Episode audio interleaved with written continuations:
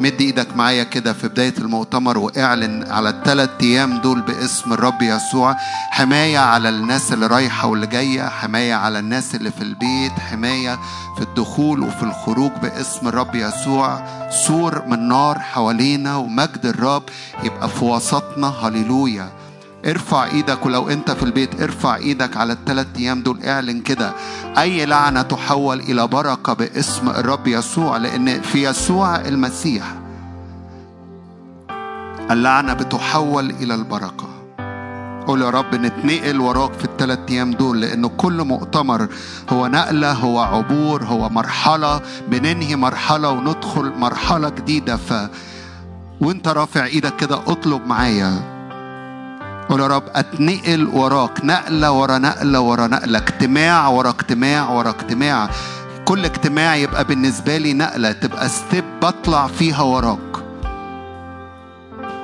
هلما نصعد إلى جبل الرب.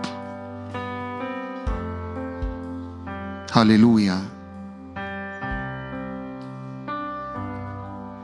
نعم إنها أزمنة للقديسين إن يتحركوا ورا الرب أزمنة لقديسي العلي اللي يتقدسوا في حضوره الناري ليصنعوا مشيئته يتمموا مشيئته على الأرض. نعم بنرفع إيدينا ليكم نقول لك عاوزين نتمم كل مقاصدك في حياتنا. جايين عشان نعطيك المجد وجايين علشان نتحرك وراءك. جايين نتتبع حركة روحك في وسطينا.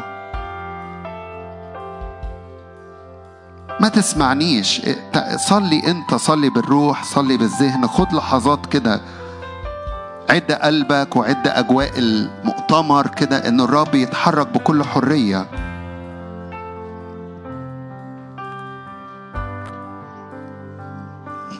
أزمنة نهضة أزمنة حصاد. أزمنة اختبارات جديدة يا رب نختبرها لم نختبرها من قبل.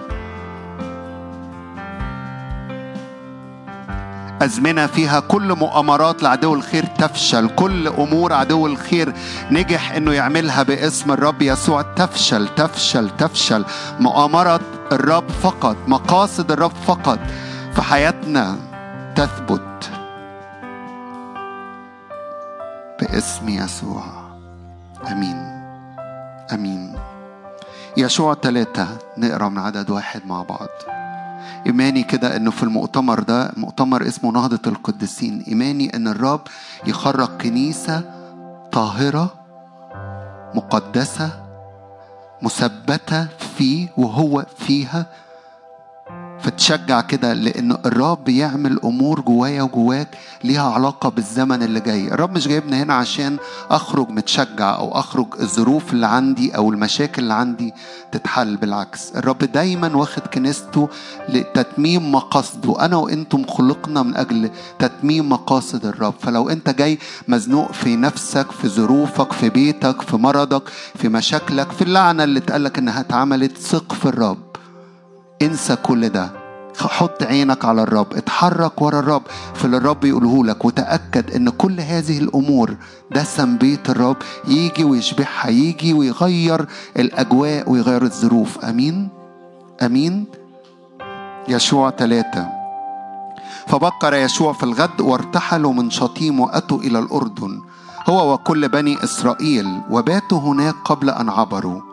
وكان بعد ثلاثة أيام إن العرفاء جازوا في وسط المحلة وأمروا الشعب قائلين عندما ترون تابوت عهد الرب إلهكم والكهنة اللاويين حاملين إياه فارتحلوا من أماكنكم وسيروا وراءه إيماني إن إحنا الثلاث أيام دول حضور الرب يتحرك أمامنا صوت الرب الروح القدس يبقى معلن ونتحرك وراه فارتحلوا من أماكنكم وسيروا وراءه إمتى؟ عندما ترون تابوت عهد الرب رب يفتح عينينا فنشوفه بيتحرك قدامنا ونتنقل وراه. ولكن يكون بينكم وبينه مسافة نحو ألفي ذراع بالقياس لا تقربوا منه لكي تعرفوا الطريق الذي تسيرون فيه. ففي طريق أنا وأنتم وككنيسة وكشعب للرب هنتحرك ورا الرب في الطرق. لأنكم لم تعبروا في هذا الطريق من قبل. هي مش صلوة.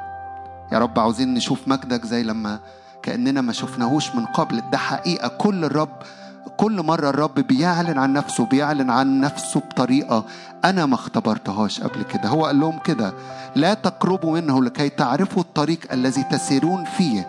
لأنكم لم تعبروا هذا الطريق من قبل. ففي طريق جديد الرب ياخدنا فيه في نقلات جديدة في بداية السنة الرب ينقلنا فيها على المستوى الفردي وعلى مستوى الكنيسة كجماعة الرب ينقلنا في طرق لم نسرها من قبل. هنعرف إزاي الطريق إن لم يسر وجهه أمامنا إن لم نسمع صوته إن لم نراه بعيوننا. وقال يشوع للشعب قال له إيه؟ الآية اللي كلنا حافظينها. تقدسوا لأن الرب يعمل غدا في وسطكم عجائب. الرب عاوز يعمل عجائب في وسط كنيسته في وسط شعبه في هذه الأزمنة اللي إحنا فيها. وعشان ده يحصل أنا وأنتم محتاجين يحصل في حياتنا إيه؟ تقدسوا. عارفين تقدسوا بالمعنى بتاع الكلمة الأصل إيه؟ إن أنا بنفصل عن أمر أو إن أنا بتطهر أو إن أنا بتوب وبرجع عن أمور ماشي فيها لا ترضي الرب إن أنا بتكرس. عارفين يعني إيه بتكرس؟ يعني أنا بتخصص للرب.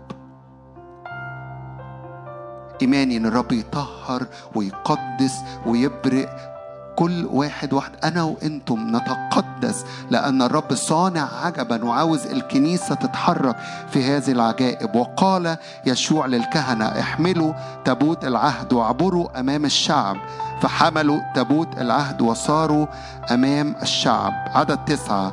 فقال يشوع لبني إسرائيل تقدموا إلى هنا واسمعوا كلام الرب إلهكم.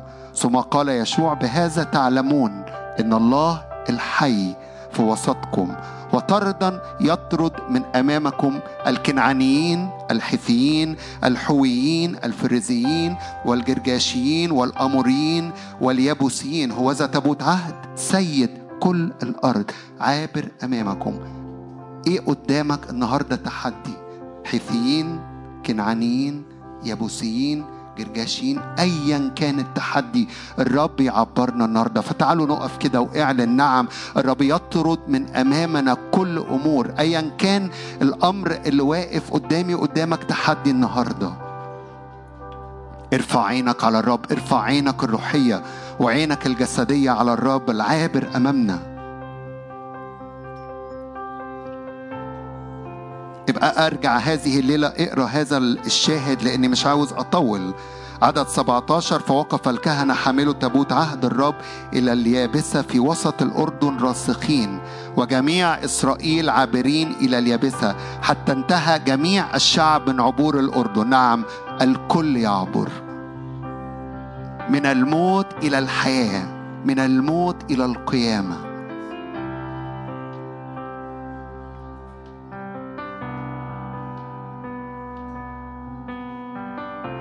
بهذا تعلمون أن الله الحي في وسطكم. طردا يطرد. بلغة النهارده طردا يطرد المخاوف طردا يطرد القلق. طردا يطرد الطريقة المنطقية في الحياة مع الرب. طردا يطرد المط...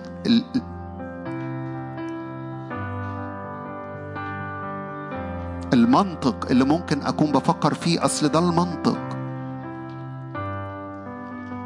طرق لم نسير فيها من قبل نعبر فيها باسم يسوع. قال يشوع للشعب تقدسوا لأن الرب يعمل غدا في وسطكم عجائب. هللويا.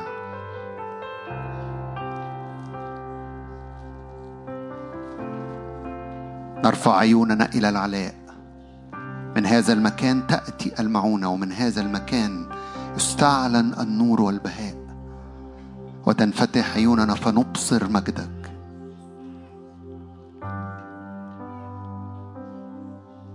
بنتقدس بننفصل بنتطهر.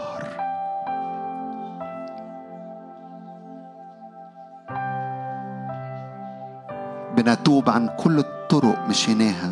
لا ترضيك.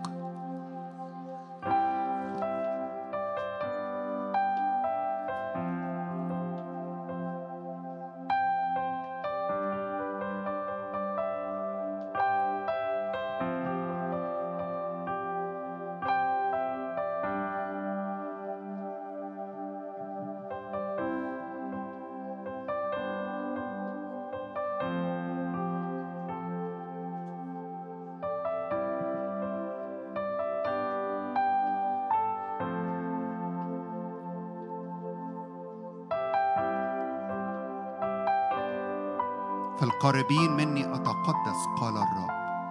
في القريبين مني أتقدس.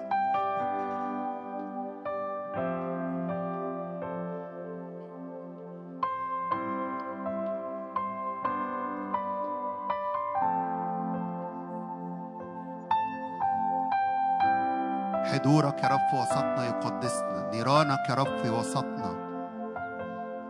تحرق كل أمور فينا. لا ترضيك.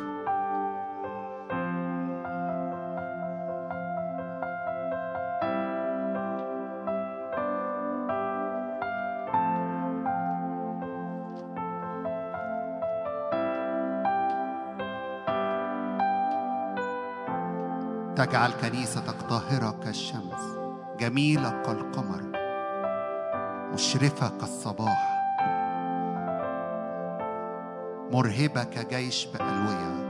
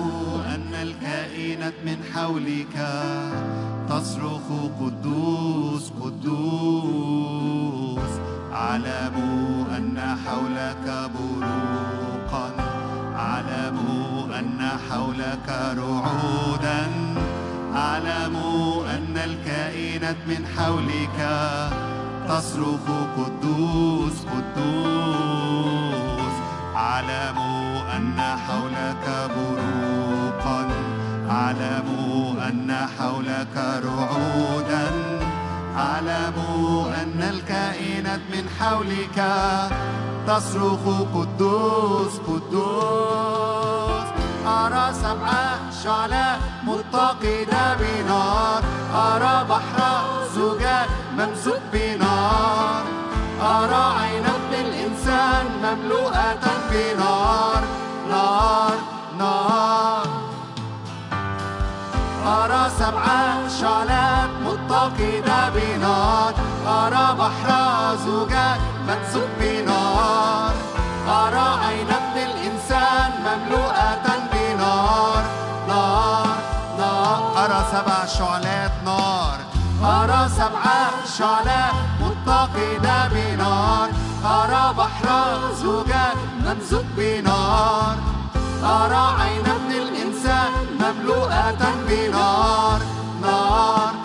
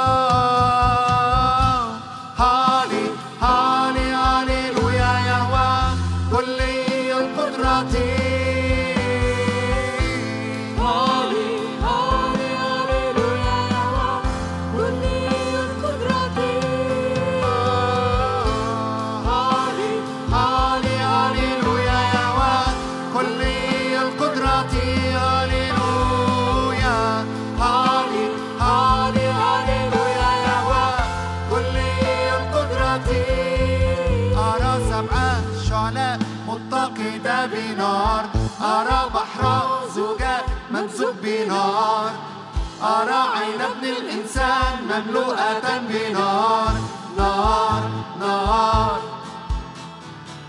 أرى سبع شعلات متقدة بنار.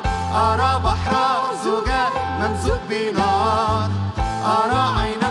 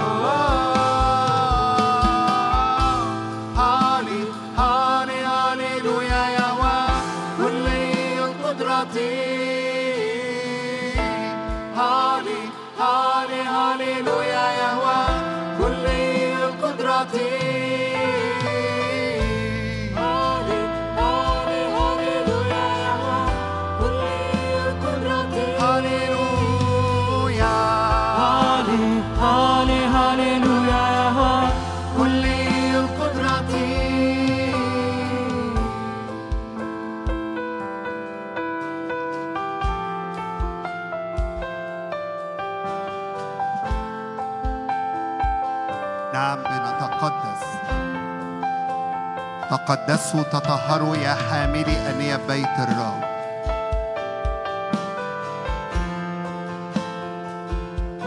نعم بنتقدم بإيمان على حساب دم يسوع المسيح الذي يطهرنا ويغسلنا.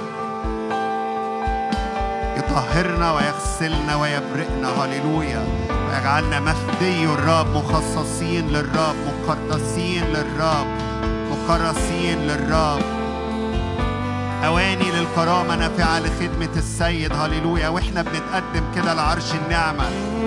اعلن أنا إناء للكرامة وليست للهوان. أنا من مفدي الرب أنا من شعب الرب اللي بيتقدس اللي بيتقدم اللي بيقترب بالإيمان على حساب النعمة وعلى حساب عمل يسوع المسيح الفدائي.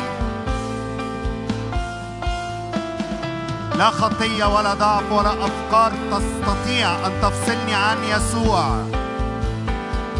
لا أمر يستطيع. تقدسوا تقدسوا يا حاملي أنية بيت الرب. أفكارنا تتقدس قلوبنا تتقدس عيوننا تتقدس أجسادنا تتقدس. هللويا. قدموا أجسادكم ذبيحة حية مرضية لدى الرب. ارفع إيدك معايا كده في بداية كده ال- الأيام واعلن نعم نتقدس نتقدس ننفصل. بنختار إننا ننفصل عن كل أمور من العالم. كل أمور التصقنا بيها أو التصقت بينا باسم الرب يسوع. ونعبر وراء الرب. هللويا هللويا هللويا. ونعبر وراء الرب. هللويا. نعبر إلى مقاصد الرب الإلهية في حياتنا. إلى الأراضي اللي فيها نستطيع أن نرى الرب بوضوح ويكون معلن. هللويا.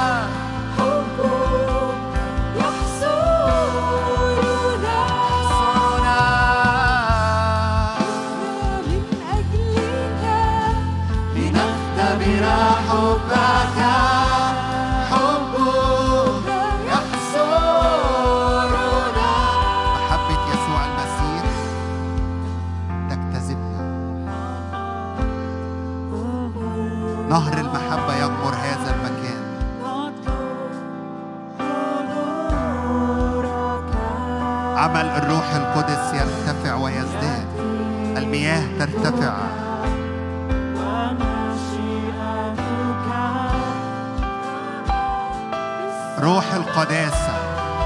روح القداسة.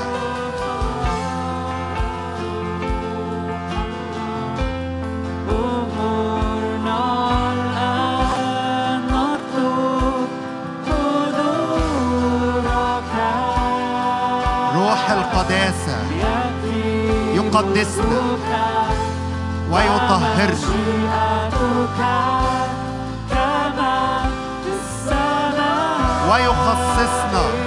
فقط للمجد.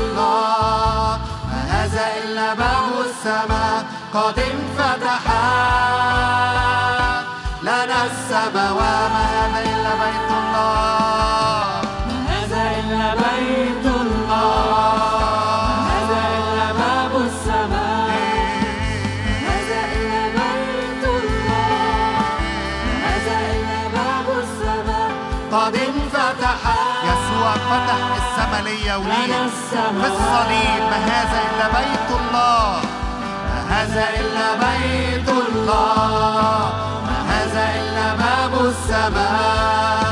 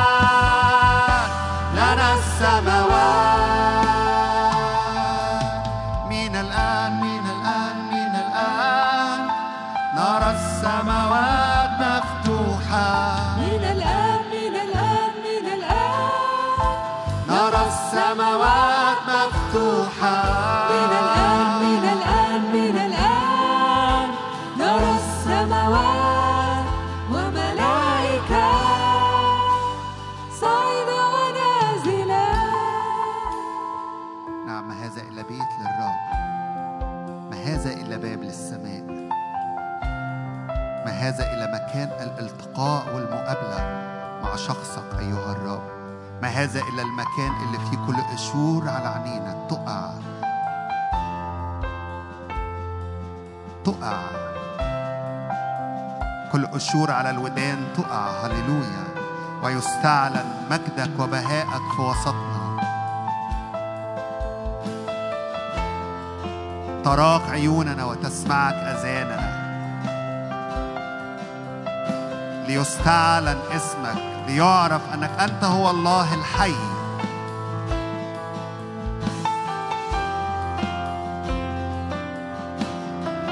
اعبر في هذا المكان.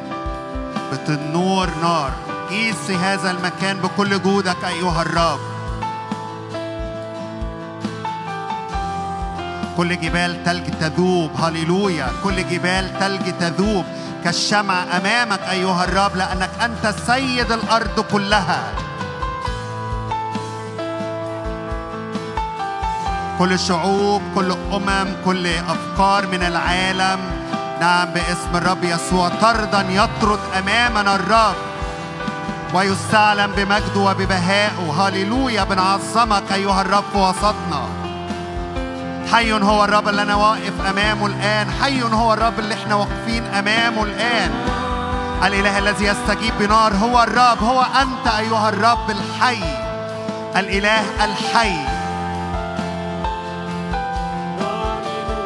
الجبال تذوب كالشمع. كل كل جبال عالية باسم الرب يسوع. كل التلج كل جمود. هللويا هللويا هللويا. يذوب كالشمع. لأن الرب هنا في وسطنا. الرب هنا في وسطنا. نعم إنه طريق لم نعبر فيه من قبل من اختبارات مليانة مجد. يستعلن الرب في وسطنا. الإله الأمين. ويبقى أمين إلى الأبد. هو أمين ويبقى أمين إلى الأبد. هو هنا في وسطنا بيعلن عن أمانته. بيعلن عن محبته. بيعلن عن فدائه لنا. هو يقدسنا. تأتي النار نار الروح القدس. وتفصلنا عن كل ما التصق بنا من أفكار ومن مخاوف ومن قلق ومن حسابات بالذهن. المنطق ضد المعجزة والمعجزة دائما ضد المنطق. نعبد إله حي صانع العجائب بنعظمك وبنباركك وبنديك كل المجد. في وسطنا هنا الآن.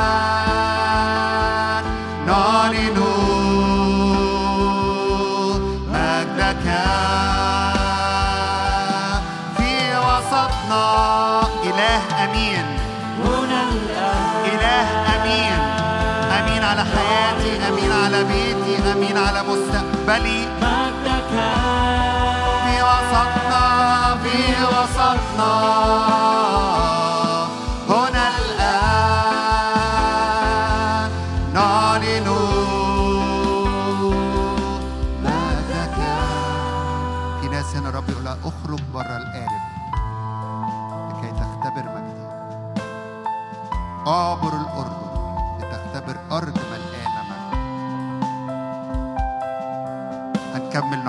الرب الإله الحي الأمين في وسطنا. أخرج وأخرجي. تعالوا نخرج بره القارب بره اللي تعودنا عليه. لنختبر أمور جديدة في عرش النعمة. نختبر أمور جديدة لم نختبرها في شخص الرب.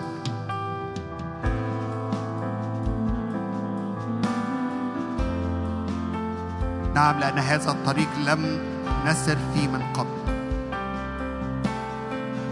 الرب يعبرنا في طرق لم نسر فيها من قبل. بدون الرب وبدون عمل الروح القدس لا نستطيع أن نعبر هذه الطرق. بدون قلوب مقدسة وأواني طاهرة لا نستطيع أن نعبر هذه الطرق. هذه الطرق لا يعبر فيها أسد أو دب. طرق مقدسة. يعبر فيها مفدي الرب والرب يطرد يطرد من أمامك. هللويا. كل أمور بالمنطق كل حسابات أرضية. كل مخاوف وكل قلق وكل اضطراب.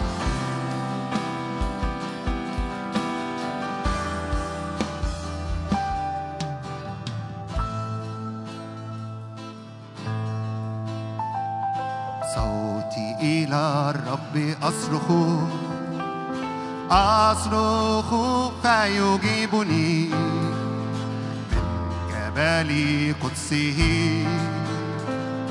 فالرب يحيط بي بصوتي إلى الرب بصوتي إلى الرب أصرخ أصرخ فيجيبني جبل قدسه.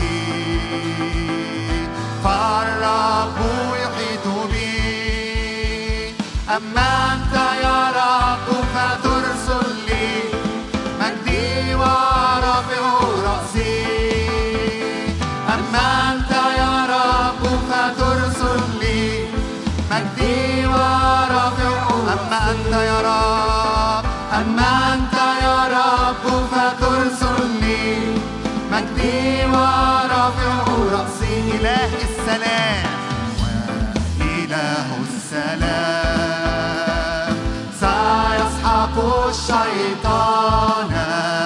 سريعا سيسحقه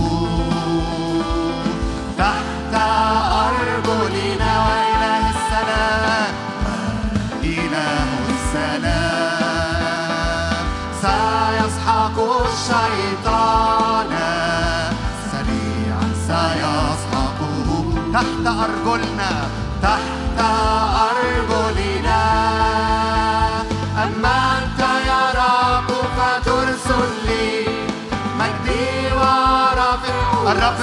ورافع رأسي هللويا مجدي ورافع رأسي.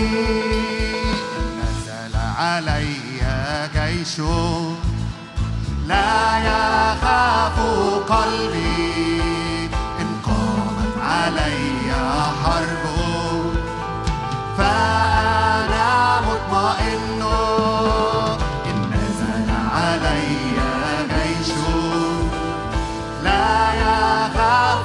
قلبي. إن قامت علي. أنا مطمئن لأني في حضن الآب أنا ساكن في حضن الآب في ستر العلي. أما أنت يا رب فترسل لي. مجدي ورب أنا في ستر العلي يبيت أما أنت يا رب الساكن في سترك يبيت أيها الرب. مجدي رافع رأسي أما أنت يا رب. أما أنت يا رب فترسل لي مجدي ورافع رأسي.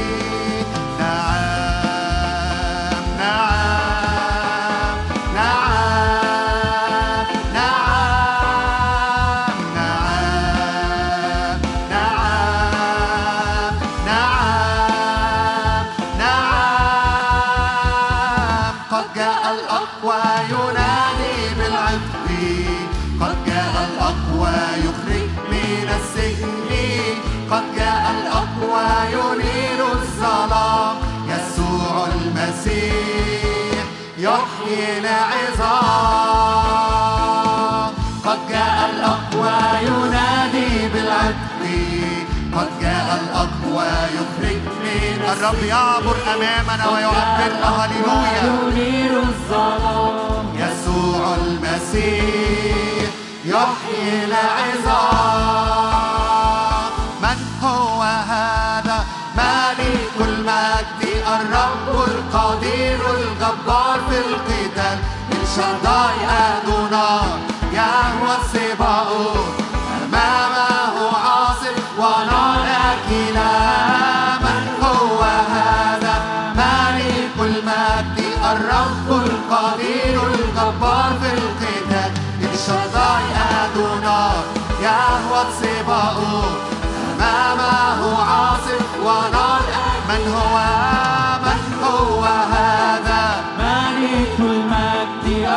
الرب القدير الجبار في القتال.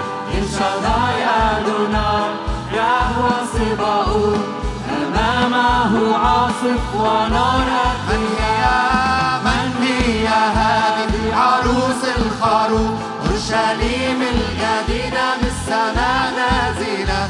مشرفة كالصباح طاهرة كالشمس مرهبة مثل جيش بألوية. من هي هذه عروس الخروف؟ أورشليم الجديدة من السماء نازلة. مشرفة كالصباح طاهرة كالشمس مثل جيش بألوية من هي هذه عروس الخروف؟ أورشليم الجديدة من السماء نازلة. كالصباح طاهرة كالشمس مرهبة مثل جيش بألوية من هي هذه؟ عروس الخروف أورشليم الجديدة من السماء نازلة. مشرفة كالصباح طاهرة كالشمس مرهبة مثل جيش بألوية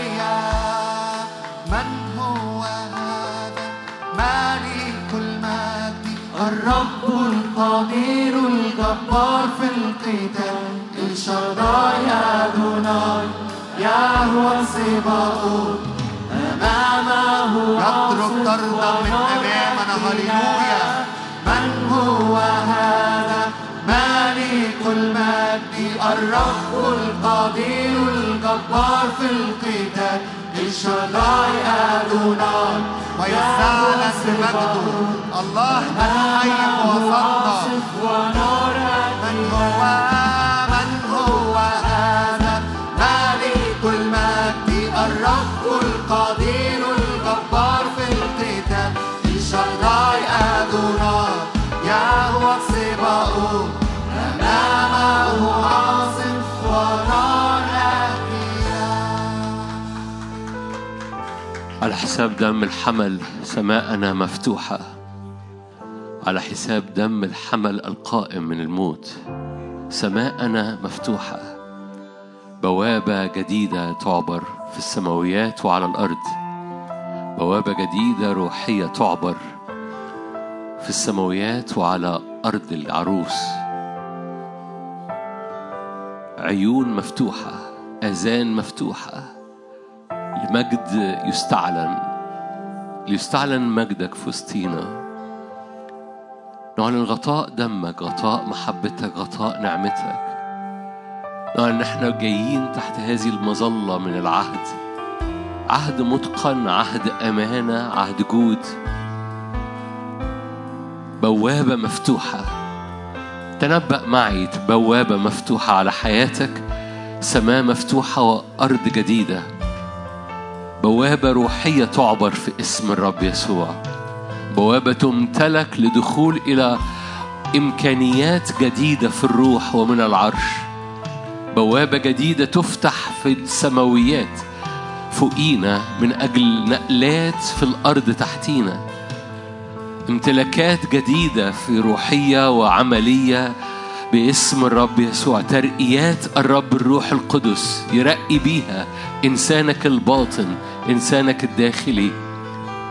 هللويا. فاعلن معايا أنا بطرح تراب الأزمنة بطرح الشكل القديم بطرح الصورة القديمة لكي ألبس الجديد الذي يتجدد كل يوم باسم الرب يسوع. أنا بعبر بإيمان هذه البوابة بسلطان. أنا بنفض من على عيني ومن على ذهني. هللويا. تراب الأزمنة السابقة تراب واحد وعشرين تراب سنة واحد وعشرين. أنا بنفض هذا التراب. بنفض كل اختبارات واحد وعشرين كل أحمال سنة واحد وعشرين. كل صورة ليا في واحد وعشرين لأني ألبس ثياب نور وألبس ثياب جديدة. مليانة أسلحة نارية مليانة إعلان وحكمة مليانة تمييز وسلطان باسم الرب يسوع. مليانة واقفة فوق الجبل بأعين مفتوحة وآذان مفتوحة. أنا بنفض ثياب سنة 21 باختباراتها بترابها لكي ألبس ثياب نورانية باسم الرب يسوع. تنفض وتطرح كل أرواح الشر. أرواح الشر تصاب بالعمى بسبب النور. أرواح الشر تصاب بالعمى بسبب المجد والبهاء الذي يسكبه الرب. أرواح الشر تصاب بالخوف وتهرب باسم الرب يسوع.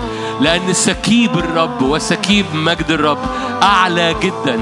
من كل مؤامرة سابقة من من كل حاجات اترمت باطل تنصب الشبكة لكل ذي جناح. كل حاجات رماها العدو في 21 ليس لها مكان. هللويا. اعلن معايا أنا بنفض هذا التراب للوقوف في مكان ناري للوقوف في مكان من المجد الرب. باسم الرب يسوع.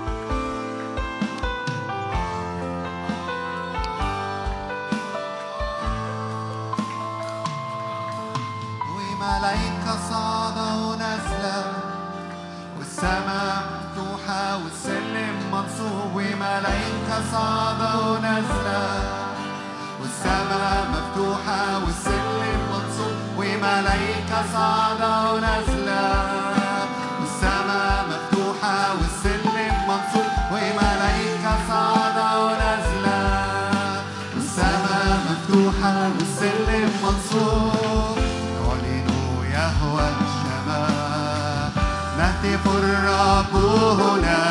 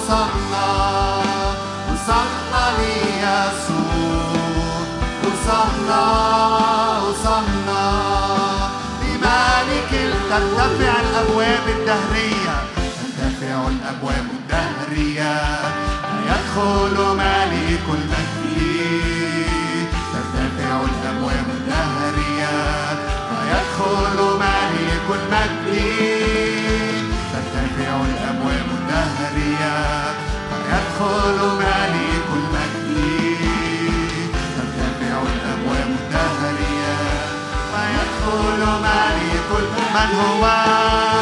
من هو هذا ملك المجد رب الجنود هو ملك المجد من هو هذا ملك المجد يسوع المسيح هو ملكنا من هو هذا الجنود هو ملك المجد هو هذا ملك المجد الرب القدير الجبار بالقتال وصلنا وصلنا وصلنا ليسوع.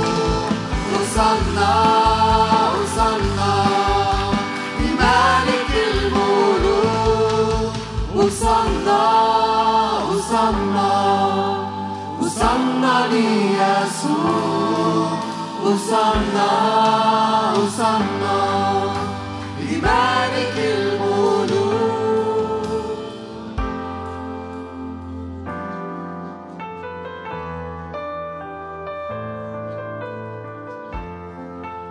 لما وضع الكهنة أرجلهم على قاع الأردن وقفت المياه ندا واحدا بعيدا جدا.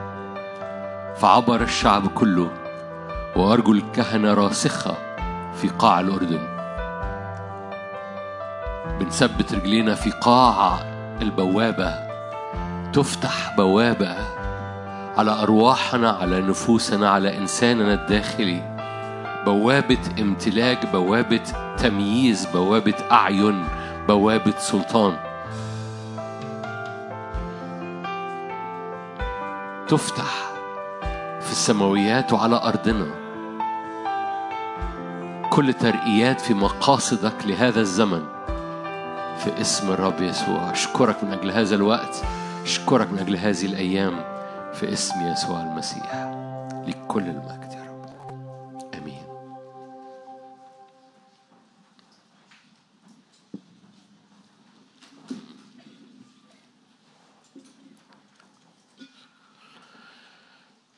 مرحب بيكم ازيكم؟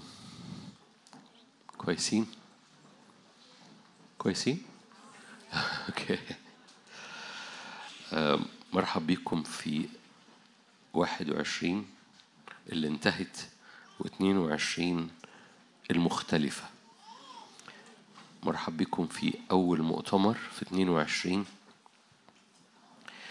كعادة كالعادة معرفش تاخدوا بالكم ولا لأ بس كالعادة دايما عمرنا ما بنعمل مؤتمر في يناير من من أول السنة يعني دايما بنعمله في فبراير مثلا أو كده لكن دي أول سنة نعمل في يناير عن قصد.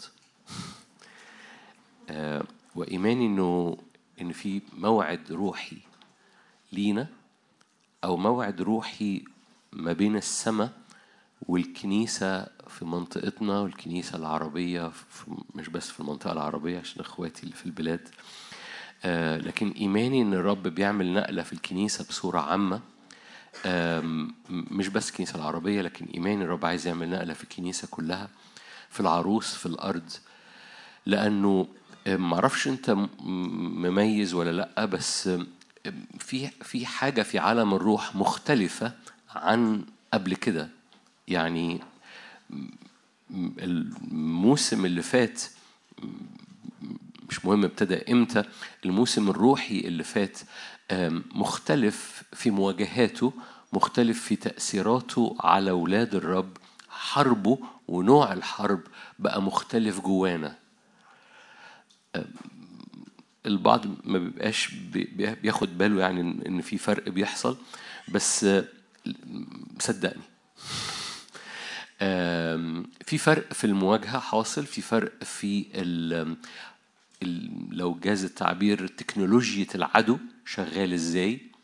هو مش خلاق ما بيعملش حاجة جديدة لكن هو بيحارب بطرق متنوعة ونوع المواجهة ونوع التدخل الشيطاني أو تدخل العالم وبابل جوه ولاد الرب وجوه الكنيسة اختلف بقاله فترة من بدون دخول من إمتى يعني. عشان كده الكنيسة في بعض أحيان يا إما بتحس إنها مش عارفة تخبط جون أو مش عارفة تصيب الهدف أو مش عارفة تخترق بالكامل لأن نوع الحرب أو نوع ال... بلاش مش عايز أستعمل كلمة حرب يعني لكن نوع حركة العدو ومركبات العدو بقى شكلها مختلف وتأثيرها مختلف جوه ولاد الرب. عشان كده مش عشان كده المؤتمر بس عشان كده ال- الكنيسة عمرها ما بتبقى في حالة رد فعل دائما الرب ده اللي كنت عايز أقوله ببتدي ببتدي بيه يعني الجملة عشان كده الرب كان عمال بيعد ولاده الوقت مثل هذا علشان بسهولة تحصل النقلة والترقية في حياتهم. فما بيبقوش متأخرين عن العدو بيرميه عليهم لكن يكونوا أعلى من العدو بيرميه عليهم. إيماني إن الرب عايز يعمل ترقية سريعة بسرعة في حياتنا لأنه أو في حياة مش بس حياة حضراتكم الموجودين لكن اللي بيسمعونا كمان والموجودين بكرة إحنا في أول ليلة والجو جميل. لكن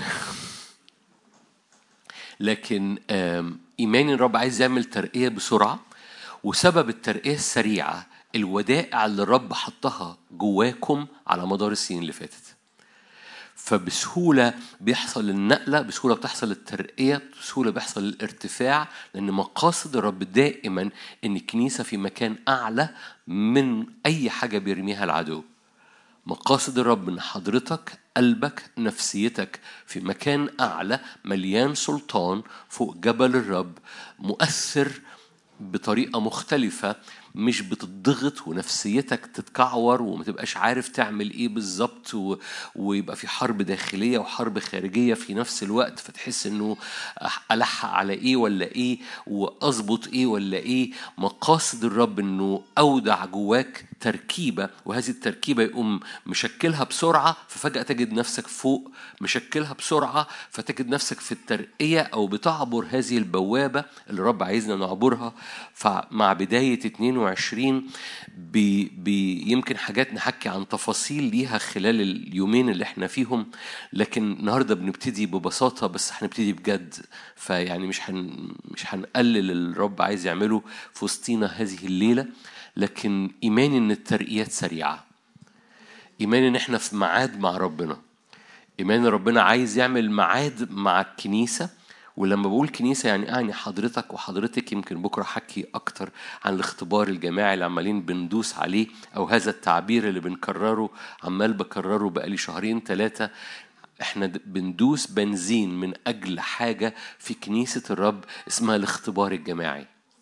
زي ما قعدنا من حوالي 14 سنة بندوس على كلمة العرش. لغاية لما بقى كلمة العرش حاجة طبيعية في وسط مش بس في وسطينا لكن في وسط الكنائس كلها. هندوس على كلمة اختبار الجماعي في الزمن اللي جاي لغاية لما الاختبار الجماعي يبقى الطبيعي. الاختبار الجماعي مش- عايز أشج... مش عايز أتكلم عن الاختبار الجماعي دلوقتي. في ثورة في عالم الروح في ثورة في عالم الروح لأنه لأنه ما ينفعش نواجه الأزمنة اللي جاية بالزقاق القديم. في تركيبة مليانة سو سورجية خلينا نستعمل سورجية أفضل. في في تركيبة سورجية بي بي بيعملها الرب في ولاد الرب. بمناسبة الثورة يعني أنتوا عارفين النهارده كان عيد كان مناخ كل سنة وأنتم طيبين. ف ففي تركيبة ثورجية الرب بيعملها جوه ولاد الرب.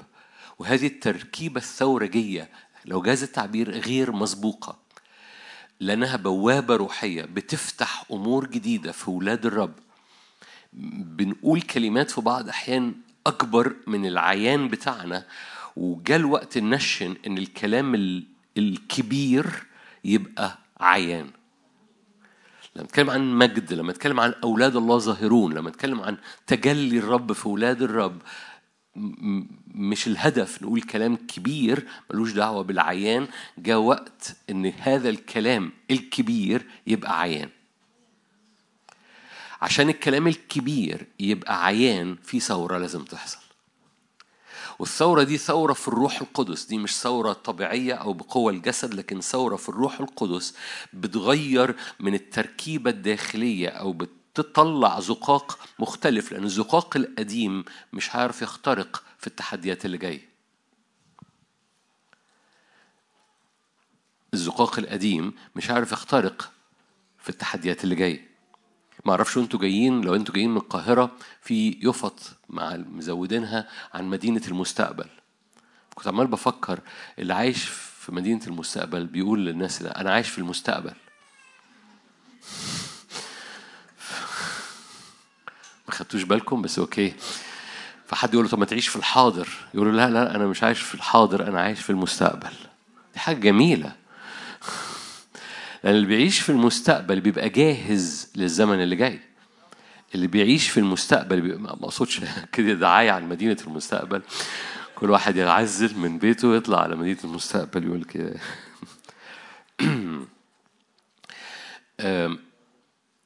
فالرب يعد الزقاق بتاعك لأن الزقاق القديم مش هيعرف يختبر في مش هيعرف يخترق في المستقبل. خليني أقرأ لك شواهد مشهورة قوي. حسقيال كلكم عارفين هذا الشاهد بس هبتدي بيه أفتح شهيتكم. أنتوا كويسين؟ شهيتكم مفتوحة؟ هزودها زيادة. حسقيال 47 آه عايز أشجعكم كمان بكرة لو جيب معاك إنجيلك ويمكن تجيب ورقة يمكن بكرة كان المفروض لو لو المؤتمر ده دراسي ممكن المؤتمر ده كان يبقى دراسي ونقلبه مؤتمر لاهوتي وندرس لكن مش هنعمل كده لكن أشجعك بكرة. جيب إنجيلك وجيب ورقة وقلم كده حطها في إنجيلك لأن هنلعب شوية في حبة آيات النهارده على خفيف يعني نبتدي. شاهد مشهور جدا أرجعني إلى مدخل البيت وإذا بمياه تخرج من تحت عتبة البيت نحو المشرق وجه البيت نحو المشرق. المياه نازلة من تحت جانب البيت الأيمن عن جنوب المسبح أخرجني من طريق باب الشمال ودار في الطريق من خارج إلى الباب الخارجي من الطريق الذي يتجه نحو المشرق. وإذا بمياه جارية من الجانب الأيمن إذا في مياه خارجة من المذبح والمذبح تجاه المشرق ببساطة عشان وهذه المياه خارجة من الجانب الأيمن. عند خروج الرجل نحو المشرق والخيط بيده قاس ألف ذراع وعبرني في المياه. قاس ألف ذراع وعبرني في المياه. مفتاح العبور إنك في المياه. مفتاح العبور إنك في المياه. مفتاح النقلة إنك في المياه. بحب أقول هذا التعبير في ناس بتتفرج على النهر وفي ناس جوه النهر. اوعى تتفرج على النهر وتقول شايف النهر أهو ده نهر جميل الله حلو النهر هتمشي على النهر. مقاصد الرب إنك مش تتفرج على النهر لكن تبقى في النهر. يعني رجليك مغموسة مبلول. في الروح القدس مبلول في الحضور الإلهي مبلول في الحركة اللي رب يعملها لأن رب له حركة وبيزود الحركة الروحية. بكرة الصبحية أنا بحاول أوقف نفسي لأني متشجع هشاركك عن نقلات الحركة الروحية اللي الرب عمال بيعملها عشان نوصل للحركة الروحية أو الثورة الروحية والحركة الروحية اللي عايز يدخلنا فيها في الزمن ده. لأن هناك حركة روحية الرب عايز يدخلنا فيها. مفتاح النقل عبرني في المياه لو أنا مش في المية ما بيعرفش يعبرني بيعبرني وأنا في المية. إحنا ممكن نقعد هنا بس أنا مش عايز أقعد هنا دلوقتي. بمعنى إيه نقعد هنا؟ يعني يعني يعني أدوس على الحتة دي وأقول لك من فضلك احرص إنك تكون في المية طول الوقت مش في المؤتمر. احرص تكون في الروح القدس. مفتاح كل عبور وكل نقلة هو وجودك في الروح القدس. وجودك في الروح القدس ده مربوط بالصلاة بالروح مربوط بالكلمة مربوط بالعبادة مربوط بالسجود مربوط باجتماعك مربوط بهبات الروح وثمار الروح. احرص انك تكون في النار لأن اللي بيعبرك بتعبر في النار. عبرني في المياه والمياه إلى الكعبين. ثم قاس ألفا وعبرني في المياه والمياه إلى الركبتين ثم قاس ألفا وعبرني والمياه إلى الحقوين. هناك حركة وهذه الحركة بتعمل نقلة أو بتعمل ثورة أو بتعمل دخول إلى مستويات مختلفة. ثم قاس ألفا وعبرني والمياه إلى الحقوين ثم قاس ألفا وإذا بنهر لم أستطع عبوره لأن المياه طمت. مياه سباحة نهر لا يعبر. قال لي أرأيت يا ابن آدم ثم ذهب بي وأرجعني إلى شاطئ النهر. يعني بعد ما عبرني في النهر رجعني على فين؟ على الشاطئ. عند رجوعي إذا على شاطئ النهر أشجار كثيرة جدا من هنا ومن هناك. دي نتائج النهر دي ثمار النهر. ما كانتش موجودة. خلي بالك هو نزل بيه في النهر عبره جوه النهر إلى نهر سباحة لا يعبر ثم رجعه على الشاطئ عشان يشوف نتائج النهر. إذا على شاطئ النهر أشجار كثيرة جدا من هنا ومن هناك. قال لي هذه المياه خارجة إلى الدائرة الشرقية وتنزل إلى الصحراء العربة وتذهب إلى البحر. إلى البحر هي خارجة فتشفى المياه. يكون أن كل نفس حية تدب حيثما يأتي النهران تحيا. يكون السمك كثير جدا. السمك ده الثمر أو الحصاد. يكون السمك كثير جدا لأن هذه المياه تأتي إلى هناك فتشفى ويحيا كل ما يأتي النهر إليه. يكون السمك كثير جدا لأن هذه المياه تأتي إلى هناك فتشفى ويحيا كل ما يأتي النهر إليه. يكون الصيادين واقفين عليه من عين جدي إلى عين عجلين لبسط الشباك للصيد ويكون سمكهم على أنواعه كسمك البحر العظيم كثير جدا. أما غمقاته وبركه فلا تشفى تجعل للملح يعني الحتة المف... الحتت المش مفتوحة للحركة. يعني النهر ماشي لكن لو في بركة على الجنب هذه البركة مش مفتوحة للحركة. هذه الأمور فلا تشفى تجعل مليانة مرارة مليانة ملح. ودي أهمية الحركة مع النهر. الروح القدس دائما بيحمل حركة مختلفة كل موسم وهذه الحركة تجاوبك معاها لأنك في النهر عبرني في المية لو أنا مش في المية بعمل بركة ولو أنا بركة ما بخفش أما غم... شايفينها؟ حتى اللي فوق شايفينها طيب؟ أما غمقاته وبركة فإيه؟ فلا تشفى. الحتة البركة دي اللي هي على الجنب المية ماشية والبركة بقت بركة. أما البرك فلا تشفى. أما النهر والمية ماشية وفيها عبور عبرني في النهر في الحركة. عشان كده الركود مش مقاصد الرب. لما الشعب كان بيرتحل ارتحالا متواليا ولما وصلوا إلى أرض شنعار استقروا. وقالوا نبني لنفسنا هنا برج الشعب اتبلبل. غياب الحركة يؤدي إلى عدم شفاء. ونزل الرب وبلبل الشعب كله لما قعدوا في أرض شنعار. حر... أنا ليه بعمل هذه المقدمة معاك؟ لأنه الرب عايز يعمل نقلة داخلية نفض للتراب وإدراك مختلف وحركة مع الرب. عدم تشبث بصورة قديمة لأن الزقاق القديم ما بيعرفش يعيش في المستقبل. فاكرين مدينة المستقبل؟ الزقاق القديم ما بيعرفش يعيش في المستقبل. أما غمقاته وبركه فلا تشفى تجعل للملح على النهر ينبت على شاطئه. من هنا ومن هناك كل شجر للأكل لا يذبل ورقه ولا ينقطع ثمره. كل شهر يبكر لأن مياهه خارجة من المقدس ثمره للأكل وورقه للدواء. أحبائي الحركة الروحية بتو- بتوصل زي ما حزقيال بيتنبأ. معرفش تتذكروا ولا لأ مؤتمر من سنين طويلة اسمه خدمة الأزمنة الأخيرة. حكينا من حزقيال 40 لحزقيال 47 هذا هذه النبوة اللي من حزقيال 40 هي نبوة عن شكل وهيكلة الأزمنة الأخيرة. مليانة أسرار ارجعوا للمؤتمر لو تحبوا ترجعوا له. ف ففي هذا المكان وفي هذا الشاهد ما أعرفش أنت روحك شغالة مستيقظة إن هذا الشاهد بيحكي عن حركة الرب في الأزمنة الأخيرة. ابتدى معاه من عند المذبح من وقت الفدا وقعد يعبره في النهر في المية وقعد يعبره نقلة وراء نقلة وراء نقلة لغاية لما وصل لنقلة مليانة نضوج. نهر سباحة لا يعبر. فكانت المية إلى الكعبين إلى الحقوين بعد كده نهر سباحة لا يعبر وبعد كده قام رجعه مرة تاني وقال له تعالى نتفرج بقى المشهد اللي انت خلصناه ده في نه في في حالة نضوج في النهر. تعالى ارجع اتفرج على المشهد بتاع نتائج النهر على مدار السنين. هنعمل كده بكرة الصبح.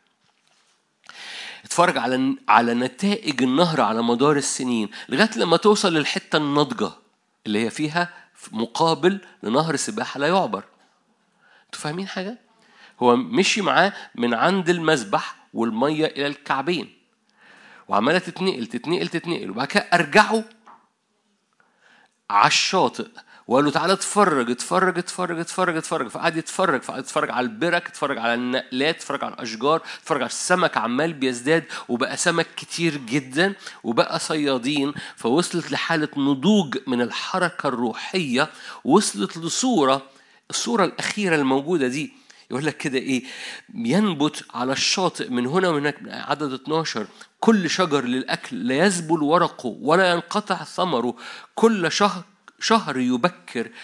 خلي بالك معلش مرة تاني أنا قريت بسرعة لأن أنا أنا عارف أنا عايز أقول إيه بس هقراها ببطء عشان أنت تاخد بالك.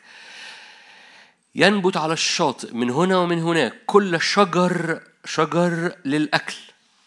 لا يذبل ورقه ولا ينقطع ثمره شجر للأكل.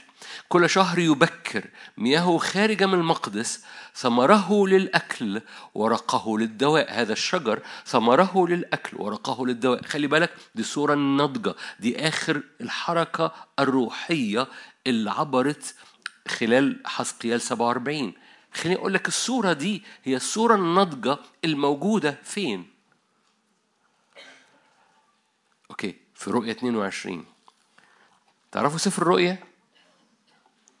تعرفوا صحاح 22 تعرفوا صحاح 22 ده إيه؟ ده آخر صحاح في كتاب مقدس. رؤية 22 آخر صحاح في كتاب مقدس. المشهد بتاع حسقيال 47 ده صورته الأخيرة الناضجة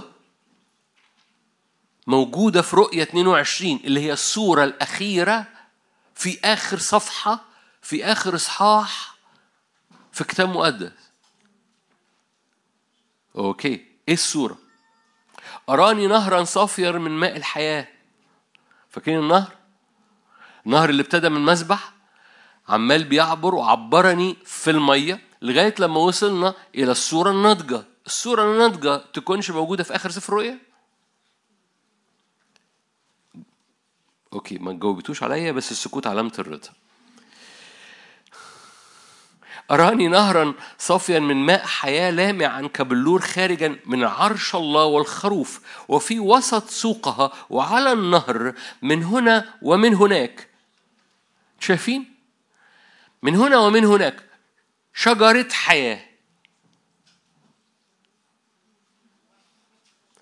حسقيال 47 كل شجر للأكل. من هنا ومن هناك. بص يعني ممكن تخبط زي ما انت عايز إزاي من هنا ومن هناك شجرة. أنتوا جمال ما بتفكروش أنتوا بتقروا. يعني النهر في ضفة يمين وضفة شمال فبيقول لك من هنا ومن هناك في شجرة. أوكي؟ من هنا هناك شجرة حياة تصنع 12 ثمرة وتعطي كل شهر فاكرين كل بالظبط؟ كل شهر ثمرها وورق الشجرة لشفاء الأمم فاكرين ورقها شفاء؟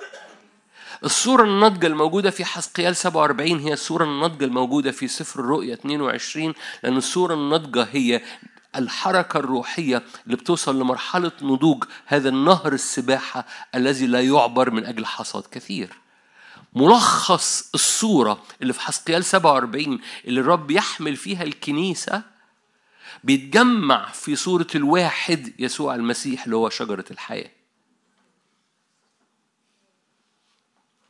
مرة تاني احتياطي ملخص الصورة اللي رب عب بيعبر فيها الكنيسة كل واحد واحدة فينا من نهر سباحة من من مية خارجة من المذبح عند الكعبين وعمالة بتتنقل بس بتحرك مع مية عبرني في المياه.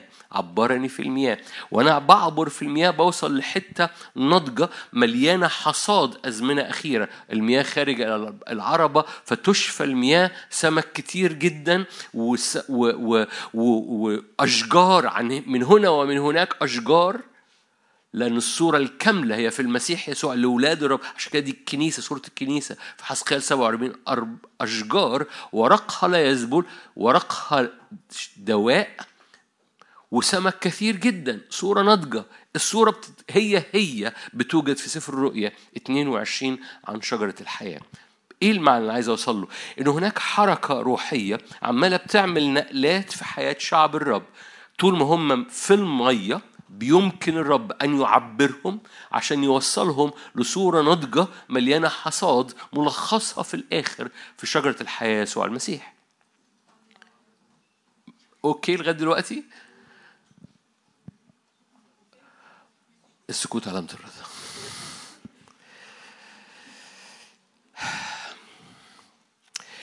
مؤكد أنتوا عارفين من عنوان المؤتمر الحركة اللي أنا عايز أتكلم عليها. وخليني أنا أنا أنا أنا أنا يعني أنا حريص على الكلمة عن قصد بقول هذه الكلمة هي هي حركة القديسين. بكرة عشان نكون كلنا موجودين همشي معاك إزاي النهر عبر في الكنيسة وعمال بيعبر في الكنيسة لوصول هذه الثورة اللي اسمها ثورة القديسين أو هذه الحركة الروحية اللي اسمها حركة القديسين وإيه ال... ال... هنلعب في الموضوع ده. أوكي تشجيعكم أسرني لكن خليني خليني خليني إيه أشجع نفسي بالرب. وارفع عيني البرده. ما كنتش ما شفتش امبارح. امبارح كان كل الناس وشهم أزرق. كنت بكلم الرجل الازرق في الاجتماع. بس كانوا أبطال صمدوا كل الاجتماع. لما خلصت الاجتماع كل واحد قشر التلج من عليه ووقف.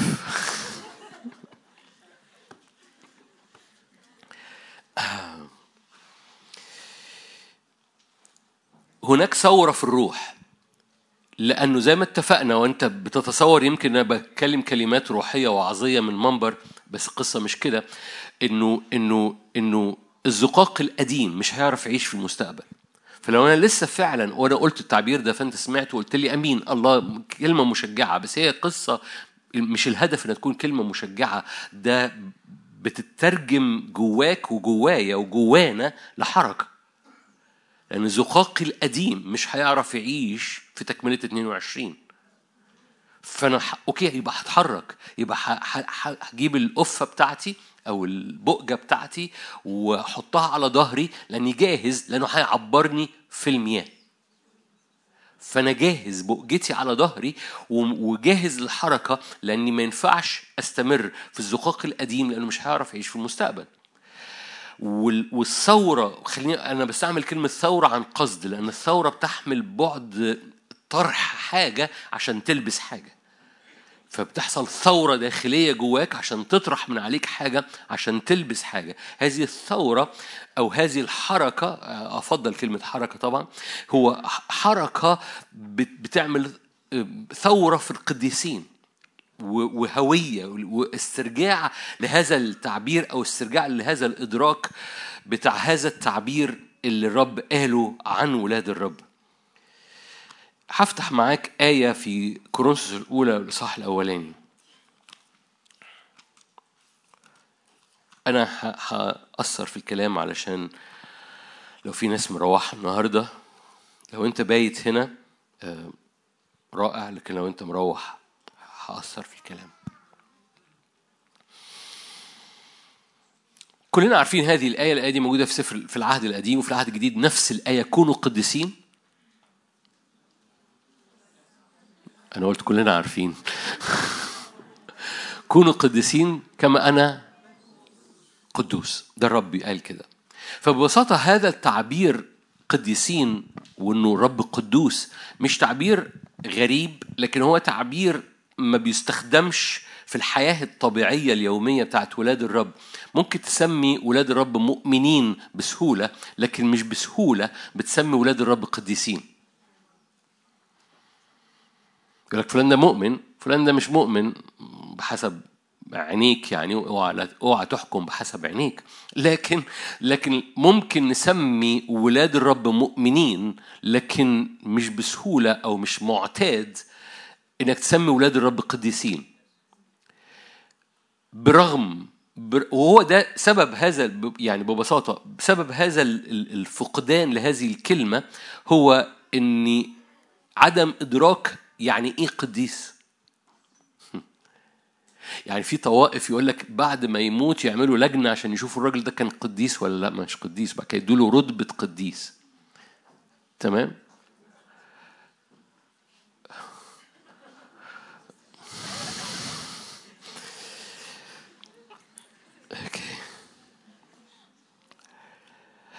أنا قلت لكم تعالوا نفتح رسالة كورنثوس الأولى الإصحاح الأولاني. قبل ما قبل ما أقرأ الآية فاكرين كورنثوس الأولى دي كان إيه اللي حاصل فيها؟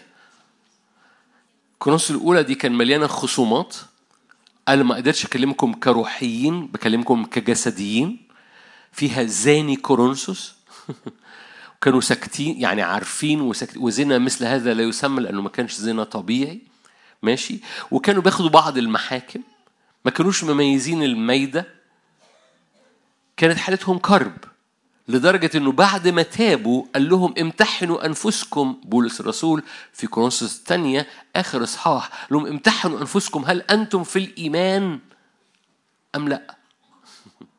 okay؟ وبالتالي كنيسة كورنثوس يعني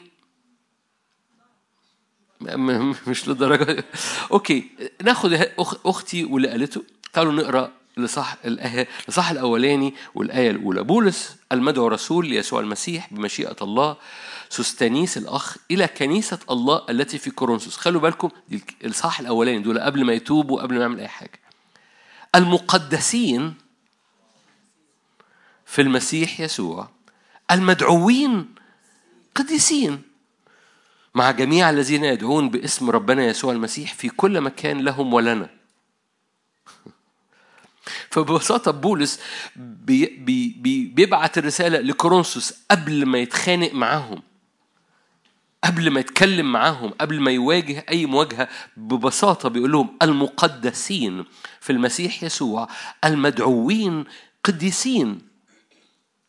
يعني بولس الرسول لو هو مش باعت الرسالة لو هو موجود في اجتماع في كنيسة كورنثوس اللي مش تايبة اللي فيها زنا اللي فيها خصومات لم يستطيع أن يكلموا كروحيين بل كجسديين اللي بياخدوا بعض المحاكم كان هيقابل كل واحد واحدة منهم يقول له أهلا يا قديس.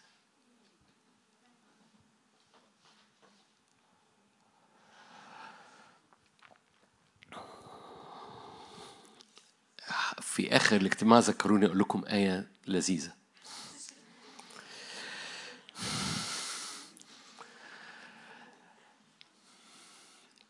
سبب عدم استخدامنا لهذه الكلمة وهقول لك ليه أهمية استرجاع هذه الكلمة أو ثورة هذه الكلمة وفتح هذه البوابة من حركة القديسين على الكنيسة في هذا الزمن إنه إنه عدم إدراكنا للتعريف. الكلمة في في اليوناني هي كلمة هاجيوس اسمها هاجيوس بس الكلمة مهمة لما تبص عليها بالعبري أو تبص بالعبري هي قدوس برضو لأن هي العبري قريب من العربي في في الحتة دي. الكلمة تعني مخصص منفصل مرتفع. لأنك ابن للرب أنت مدعو مخصص منفصل ومش من الطبيعي مش من العادي. كلمة قديس مش حالة بتوصل لها مش حالة أو رتبة بتوصل لها لكن هي دعوة بتتحرك فيها وبتكبر. كلمة قديس مش حالة بتوصل لها. كلمة قديس في الكتاب المقدس هي دعوة طب مدعو قديس. دي دعوة. يعني إيه مدعو؟ إنك تبقى منفصل. مدعو إنك تبقى مخصص. هنحكي بكرة أكتر بس أنا مهم قوي أحط التعريف النهارده. أنت مدعو إنك تبقى مخصص. مدعو إنك تبقى من منفصل مدعو إنك تبقى في حتة أعلى من الطبيعي. أنا هقعد أكرر هذه الجملة لأن إحنا مش متعودين عليها. كلمة قديس مش حالة بتوصل لها.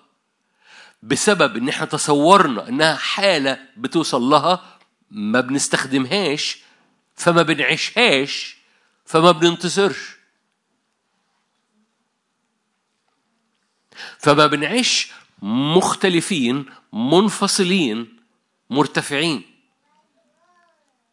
لأن بنتصور انها حالة نوصل لها مش دعوة بنعيش فيها ونكبر فيها.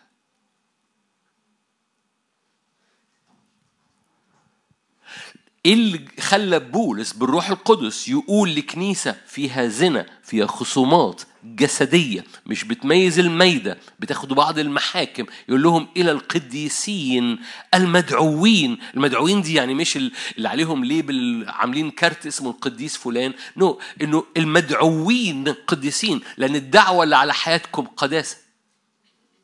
الدعوة اللي على حياتكم إنكم قدس للرب. الدعوة على حياتكم إنكم اسمكم قديسين.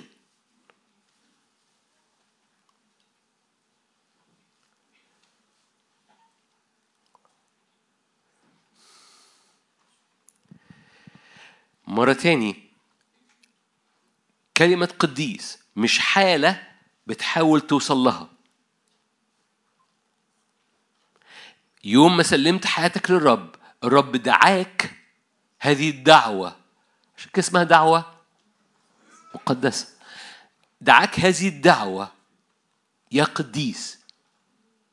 مش لأنك وصلت الحالة لأن لكن لأن دي الدعوة اللي على حياتك عشان تعيش فيها وتكبر فيها. يعني إيه قديس؟ يعني مخصص. مش محتاج أشرح لك إنك أول ما سلمت حياتك للرب بقيت مخصص للرب. كلكم هتهزوا راسكم وتقولوا يس الهزة دي يعني قديس. طالما هزيت راسك تبقى قديس. هز راسك. يا قديس. دي ترنيمة جديدة. هز راسك يا قديس.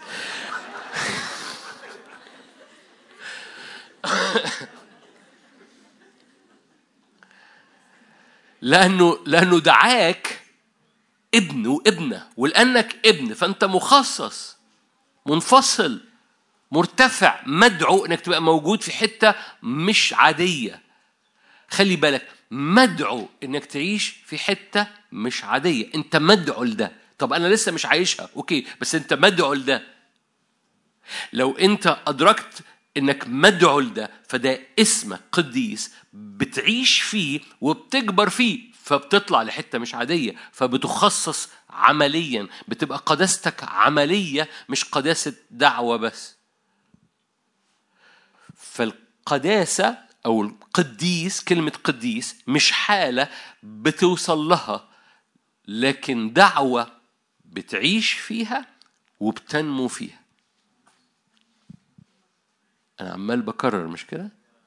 بس التكرار حلو مش حلو عشان صوتي حلو عشان عشان نتشبع في أرضنا ب- ببساطة ببساطة فاكرين مش مش هقلب معاكم آيات عشان أنا وعدتكم نخلص بدري عشان عايزين نروحوا لكن ببساطة فاكرين لما يسوع قال لا يوجد أعظم من مولود النساء أكثر من يوحنا المعمدان؟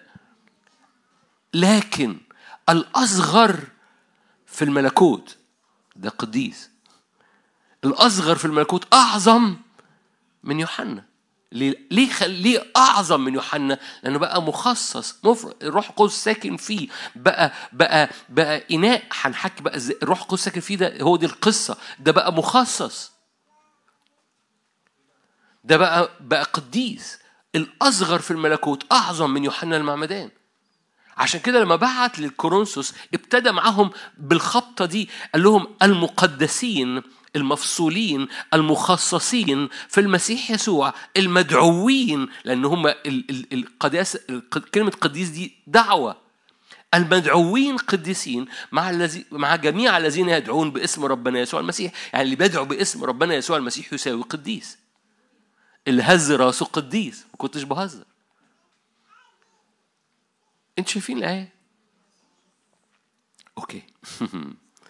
عشان كده محتاجين ننفض التراب عن عن عن حبة حاجات في هويتنا وندرك إيه، تقول يعني أنت okay عايز يعني سم... no no القصة مش بهذه البساطة. أنا بكرة هشرح لك إزاي نمو الحركة أو عبور الحركة وعبور المية اللي بيوصلنا للحالة اللي ممكن نتكلم فيها. اللي أنا بقوله لك ده جوايا من سنين ما اتكلمش عنه قبل كده من سنين وما ما دوستش عليه هذه الدوسة لأن إيماني إيماني إيماني إن إحنا جينا للوقت اللي لازم ندوس فيه ده التايم فده وقت الحركة القديسين. ده وقت حركه هشرح لك أكتر الفرق وال- والثورة دي نوعها إيه لأنه دي هقرأ حبة آيات بقى معاك سفر اللويين عشان بس استف حبة حاجات في في الحق. سفر اللويين لويين 11 آية قلناها قلتها معاكم بس أطلعها لكم من كتاب مقدس. لويين 11 آية 45 أنتوا هنا؟ معكمش أناجيل بس في شاشة بس بكرة بقى أجيبوها. لويين 11 45 إني أنا الرب إلهكم. دي آية 44 أنا آسف. إني أنا الرب إلهكم فتتقدسون. لأني أنا الرب إلهكم يحصل إيه؟ مش لأنكم عملتوا أي حاجة. خلي بالك ال- ال- ال- القديسين دي مش حالة بتوصل لها دي دعوة بتعيش فيها تتحرك فيها وتنمو فيها.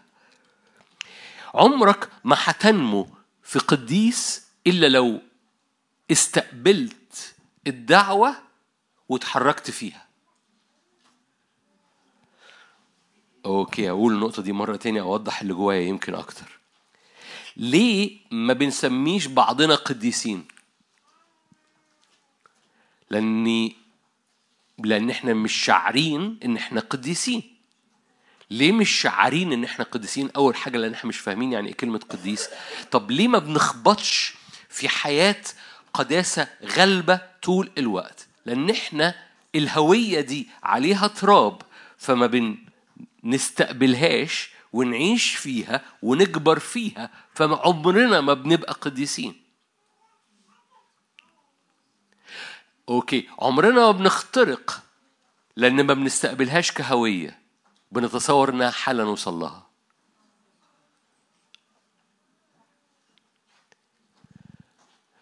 عمرنا ما بنوصل لها لأن بنتصور إنها حالة نحاول نوصل لها. برغم إنها مش كده هي هوية بنعيش فيها ونكبر. ليه ما بنختبرش اختراقات في القداسة الشخصية والقداسة الخدمة؟ خلي بالك كلمة قداسة مربوطة بالخدمة. حكي معاك بعد دقايق. ليه ما بنخترقش في القصة دي؟ لأني بنتصور إنها حالة نوصل لها بس بقدرتي ما بعرفش أوصل لها. آه طب بالروح القدس بس أنا بحاول أهو بحاول. القصة مش كده. القصة إن هي مش حالة بنحاول نوصل لها هي هوية بنتحرك فيها وبننمو فيها. لو استقبلناها لأني أنا الرب إلهكم فإيه؟ شايفين آية؟ فتتقدسون وتكونون مفصولين مخصصين مرتفعين مش من هنا. ليه؟ لأني أنا الرب إلهكم. كم حد هنا يقول الرب إلهي هو الرب إلهي؟ آه آه، أنا ما كنتش قاصد ترفعوا إيديكم بس رفعتوا إيديكم. لأنكم رفعتوا إيديكم فأنتم قديسين. شفت؟ هز راس تبقى قديس ترفع إيدك تبقى قديس. أي حاجة تعملها النهارده تبقى قديس. تضحكي تبقى قديس. كده. أي حاجة تعملها وراء الرب. لأني أنا الرب إلهكم فتتقدسون وتكونون قديسين. لأني أنا قدوس لأني أنا منفصل أنا إله مختلف لا مثل لي بين الآلهة. لأني أنا مختلف وأنا إلهك فأنت مختلف. كمل معايا. لا تنجسوا أنفسكم بدبيب يدب على الأرض. إني أنا الرب إلهكم الذي أصعدكم من أرض مصر أرض العبودية. ليكون لهم لكم الها. فتكونون قديسين؟ لأني أنا إيه؟ قدوس. أوكي. أفسس واحد. اقلب معايا أفسس واحد.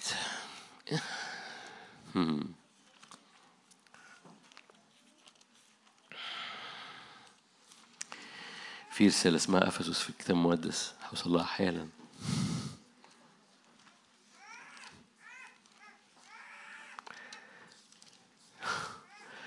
أفسس واحد وآية أربعة. مبارك الله أبو ربنا يسوع المسيح آية ثلاثة الذي باركنا بكل بركة روحية في السماويات. في المسيح اختارنا فيه قبل تأسيس العالم لنكون إيه؟ اخترنا لنكون قديسين. بص أنا أنا بلف آيات بسيطة جدا بس ببساطة إنت الدعوة قديس. الدعوة قديس. قديس دي مش حالة توصل لها هو دعاك عشان تبقى مخصص منفصل مرتفع مختلف وراه. استقبل الحالة. انفض التراب من على الطبيعي واستقبل. أنا قديس للرب. أنا أوكي. قدس للرب. استقبلها كهوية. قدس دي يعني يعني تعبير. لكن قديس دي هوية. استقبل الهوية لأنه هو دعاك لتكون قديس. استقبل الهوية وأنفض التراب. زي ما هنحكي أو حن هندرك وهنتحرك في هذه الحركة. تفهم ابعادها هقول لك ليه أهمية الكلمة يعني بعد دقايق. أهمية حركة القديسين بعد دقايق في الاجتماع ده قبل ما نختم يعني. فببساطة أنا ب ب ب بشاور لك من الآيات دي إن أقول لك أنت مدعو قديس من أول يوم. مش حالة توصل لها. عرفت ربنا امبارح عرفت ربنا النهاردة هيبقى اسمك قديس النهاردة. قديس يعني إيه؟ مخصص للإله اللي أنت بتقول له أمين أنا بعبدك. اللي قلت له نعم يا سيد أنا وراك أنا بسلمك حياتي بسلمك قلبي. أول ما بتعمل كده أنت بتستقبل دعوة. أوكي أنا أدعوك مخصص ليا. فبتقول له يا رب أنا ليك. ورب يقول لك أنت ليا. أنت ليا يعني قديس.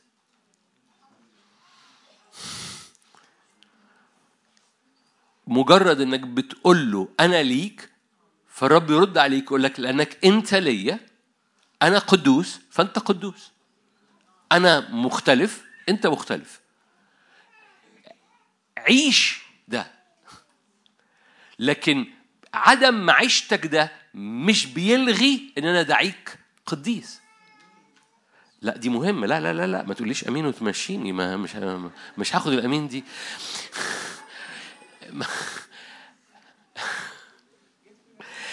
عدم معيشتك في الهوية مش بيلغي الدعوة اللي على حياتك إنك مدعو قديس. والدليل كورنثوس.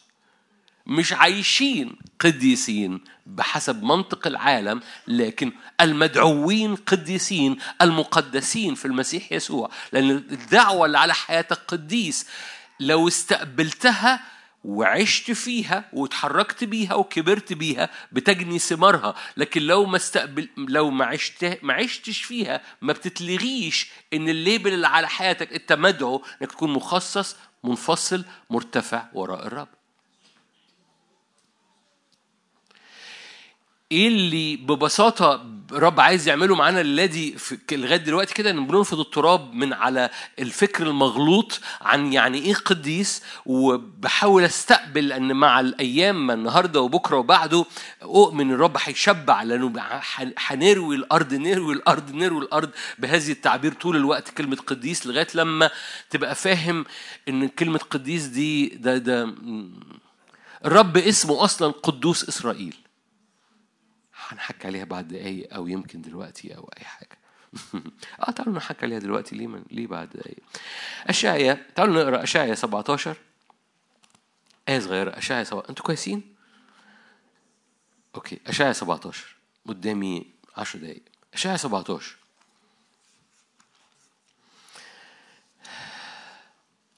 اشعيا 17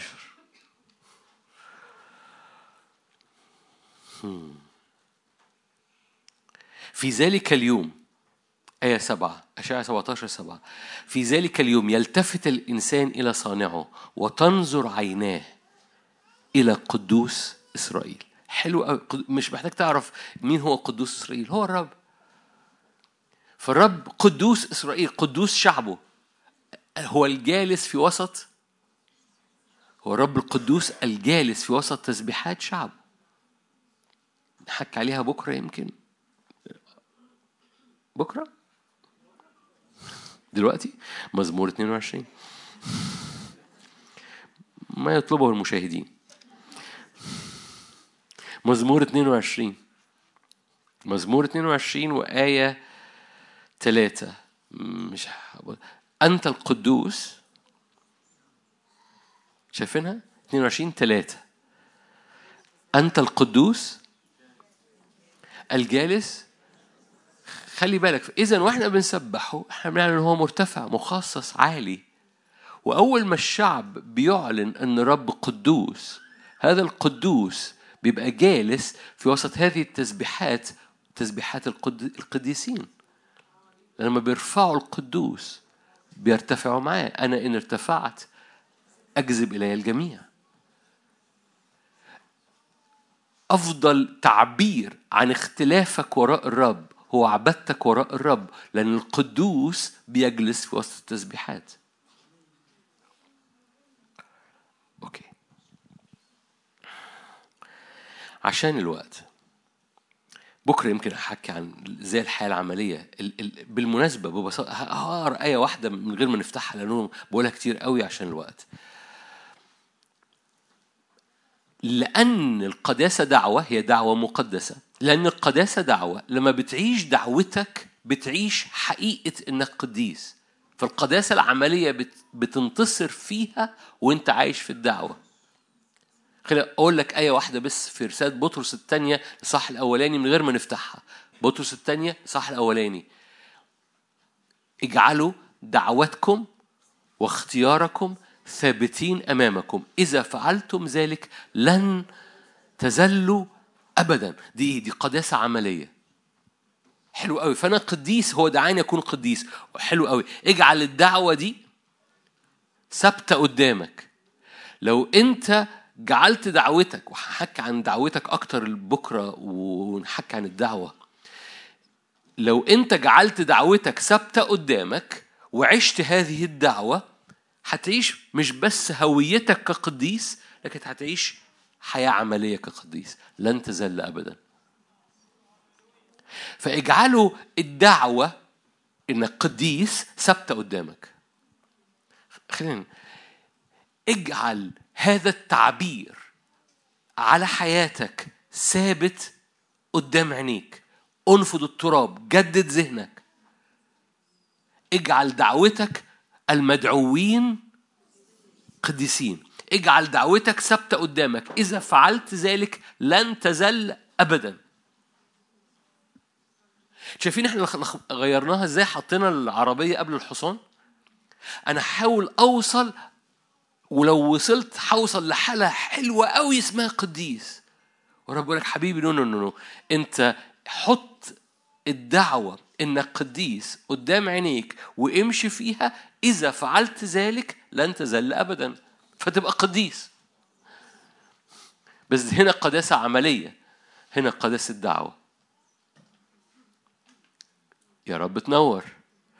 أوكي أنا هوصل لآخر حاجة عشان بس أحط ابتسامة أكتر على وشكم. ليه يا ليه يا روح الله كنت هقول ليه يا نادر بس هي قصة مش من دماغ نادر خالص. ليه يا روح الله أنت عايز توصل بالكنيسة وأنا أؤكد ليك إنه الرب عايز يوصل بالكنيسة لهذه الثورة اللي اسمها ثورة قديسين أو نهضة قديسين ليه يا روح الله؟ إيه أهمية إن الحالة الناضجة و... و... والنهاردة الروح القدس عايز يقول لك الحالة الناضجة دي هي نهضة قديسين.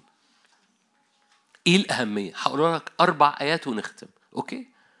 أربع ايات ونختم، إيه أهمية إنك تخرج من هذا الاجتماع وتخرج من هذا المؤتمر؟ تقول أنا أنا مدعو قديس. إيه الأهمية؟ نقطة نمرة واحد، لو معاك ورقة قلم أفسس واحد. أفسس واحد. أو حتى اكتب الشواهد بس. أفسس واحد وآية 18 آية مشهورة قوي وهي آية بسيطة. وهبتدي بالبسيط وأروح على التقيل. هم أربع نقط ون- ونصلي مع بعض. أفسس واحد. آية 18 مستنيرة. عيون أذهانكم. تعلموا ما هو رجاء دعوته. غنى. خلي بالك كل كلمة تقيلة. غنى لوحدها. مجد. ميراث. غنى مجد الميراث ده بيعطى لمين؟ طب ليه ما قالش للمؤمنين؟ ليه ما قالش للمحاربين؟ ليه ما قالش للمصليين؟ متشفعين؟ قال خدام الرسل والأنبياء غنى مجد ميراثه فين؟ في القديسين أوكي ببساطة الآية دي تقول لي يا نادر لو أنت لابس هذه الهوية المدعوين قديسين غنى مجد الميراث بتاع الرب ينسكب على القديسين ليه مهم قوي تلبس هوية القديسين؟ نمرة واحد غنى مجد الميراث بيعطى للقديسين. أوبا. أنا كنت فاكر غنى مجد الميراث للأبناء. آه هو الأبناء. غنى مجد الميراث للمؤمنين. أكيد هو المؤمنين. بس هو ما اختارش من كل الأسماء الحلوة اللي ممكن حضرتك وحضرتك تتسمى بيها وراء الرب غير القديسين. غنى مجد الميراث هو للقديسين. قديسين مش حالة توصل لها.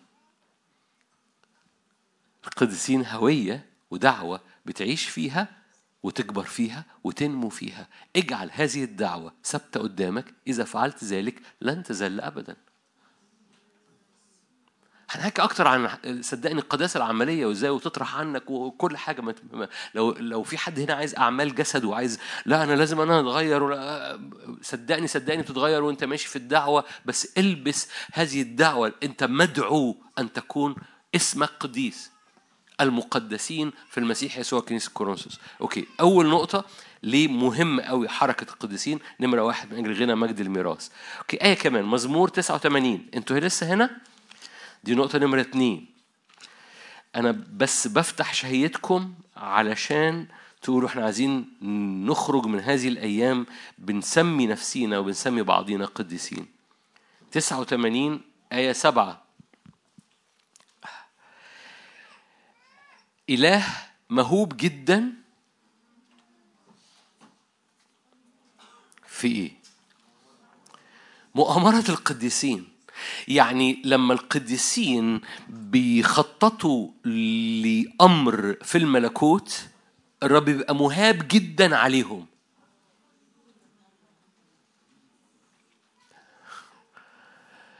القديسين لأنهم مخصصين لأنهم منفصلين لأنهم مرتفعين لأنهم في مكان مختلف آخر. لما يتآمروا مؤامرة في الملكوت الرب بيبقى مهوب عليهم. إله مهوب في مؤامرة القديسين. أوكي طب ما إحنا إحنا يعني بن- بنحاول وإحنا كده مؤمنين يعني وبنحاول نفكر مع بعض. بيقول لك أنا أنا ببقى عايز أبقى مهاب بتقل حضوري بمخافة حضوري لما تبقوا مدركين إنكم قديسين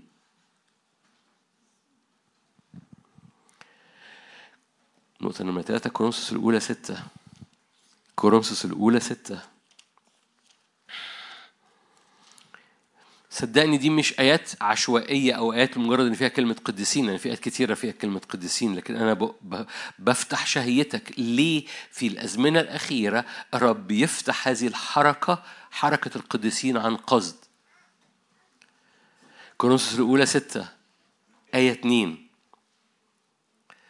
ألستم تعلمون؟ خلي بقى فاكرين كورنثوس دي الكنيسة الضعيفة. تمام؟ اللي أولها قال الم... إلى القديسين الذين في المدعوين قديسين ألستم تعلمون؟ آية 2 أن القديسين سيدينون العالم؟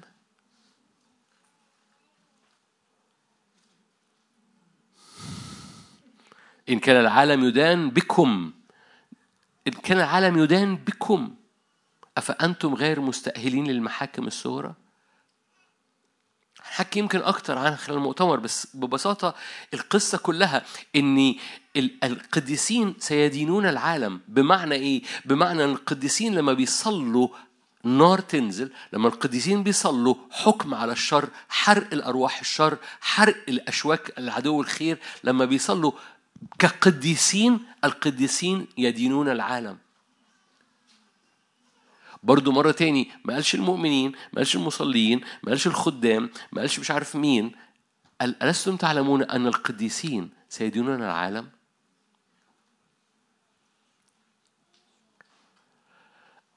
غنى مجد الميراث للقديسين إله مهوب في مؤامرة القديسين. القديسين سيدينون العالم.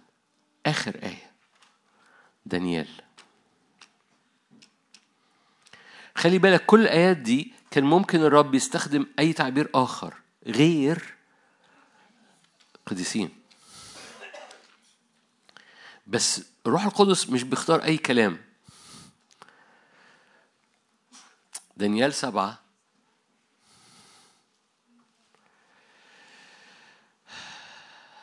هقرا آية واحدة. آية 27 المملكة دانيال 7 27 المملكة والسلطان وعظمة المملكة تحت كل السماء تعطى لشعب قديسي العلي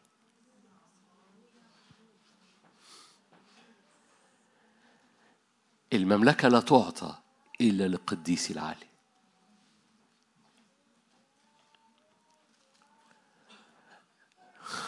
أنتوا هنا.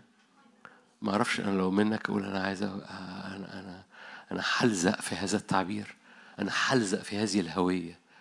غنى مجد الميراث المؤامرة إدانة العالم المصاري تنزل نار تنزل نار والمملكة تعطى لحاجة اسمها قديسي العلي حلو قوي التعبير ده عشان كده بختم بيه. حضرتك مدعو قديس العلي يعني إيه؟ ببساطة ببساطة بالتعريف مخصص للعلي منفصل للعلي حضرتك قديسة للعلي حضرتك قديس العلي قدس للرب مخصص للرب. جدد ذهنك خلي الضلمة والسحابات السوداء تطير من دماغك بسهولة ليه؟ لأنه حضرتك اسمك مخصص مرتفع منفصل قدس قديس العلي ده هويتك ده ذهنك وخلي النور يخش في الحتت الضلمة عشان تفهم انت مين. جاء الوقت انك تنفض من عليك. كل حاجات عملت محدودية وسحابات سودة من على دماغك لأن الرب يدعوك قديسي العلي. المملكة تعطى القديسي العلي. ال- ال- ال- غنى مجد الميراث يعطى للق- للقديسين.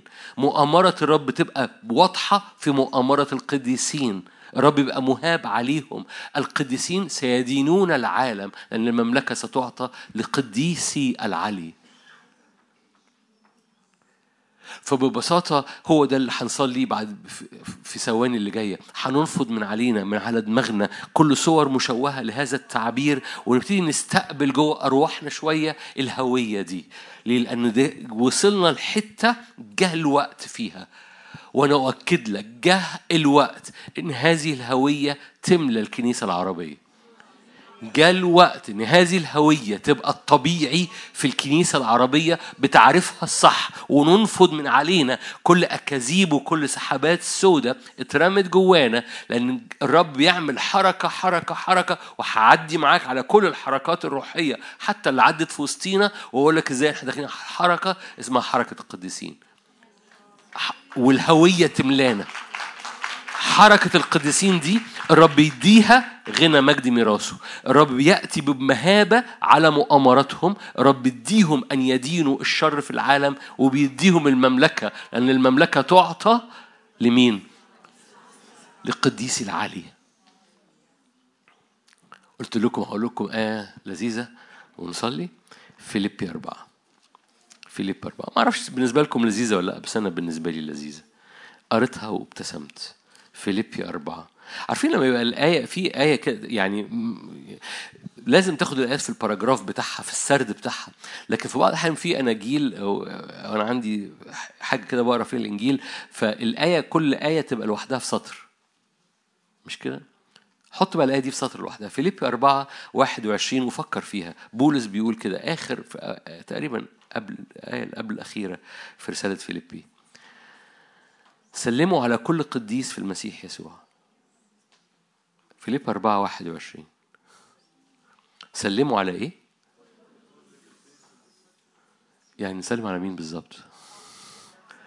لا لا لا لا لا, لا فكر. يعني يعني بيقول لهم سلموا على كل قديس في المسيح يسوع.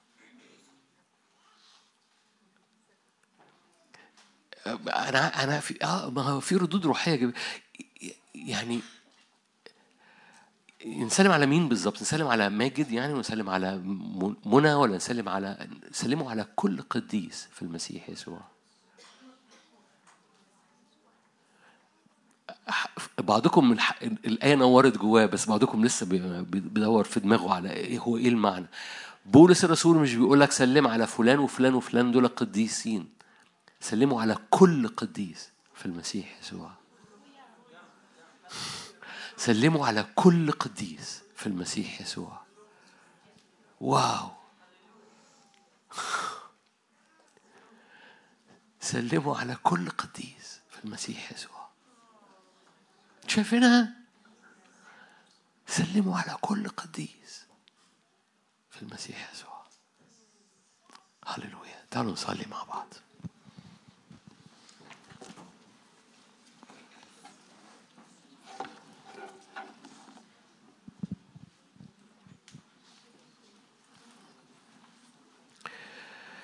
أبويا السماوي بنقف قدامك في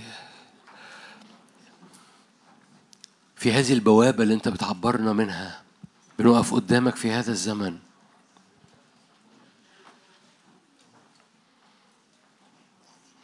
أبويا السماوي بنصدق إنك بتعبر كنيستك بتحركها وبتعبرها بتعبرها في المية. إن إحنا واقفين في المياه بتعبرنا. بحركة روحية إلى المستقبل إلى زقاق مختلف إلى زقاق جديد إلى زقاق آخر غير القديم. أبويا السماوي بنطلب إن النور والأنوار تملى أجواءنا وتملى أفكارنا وتملى أذهاننا وتطرد كل بقع سودة. سحابات سوداء عششت في دماغنا لا علاقة بخزي لا علاقة بشكاية لا علاقة بفهم خاطئ. نور جوانا غنى مجد الدعوة. نور جوانا مقاصد ميراث القديسين. نور جوانا لماذا دعينا؟ دعينا لنكون قديسين وبلا لوم قدامه.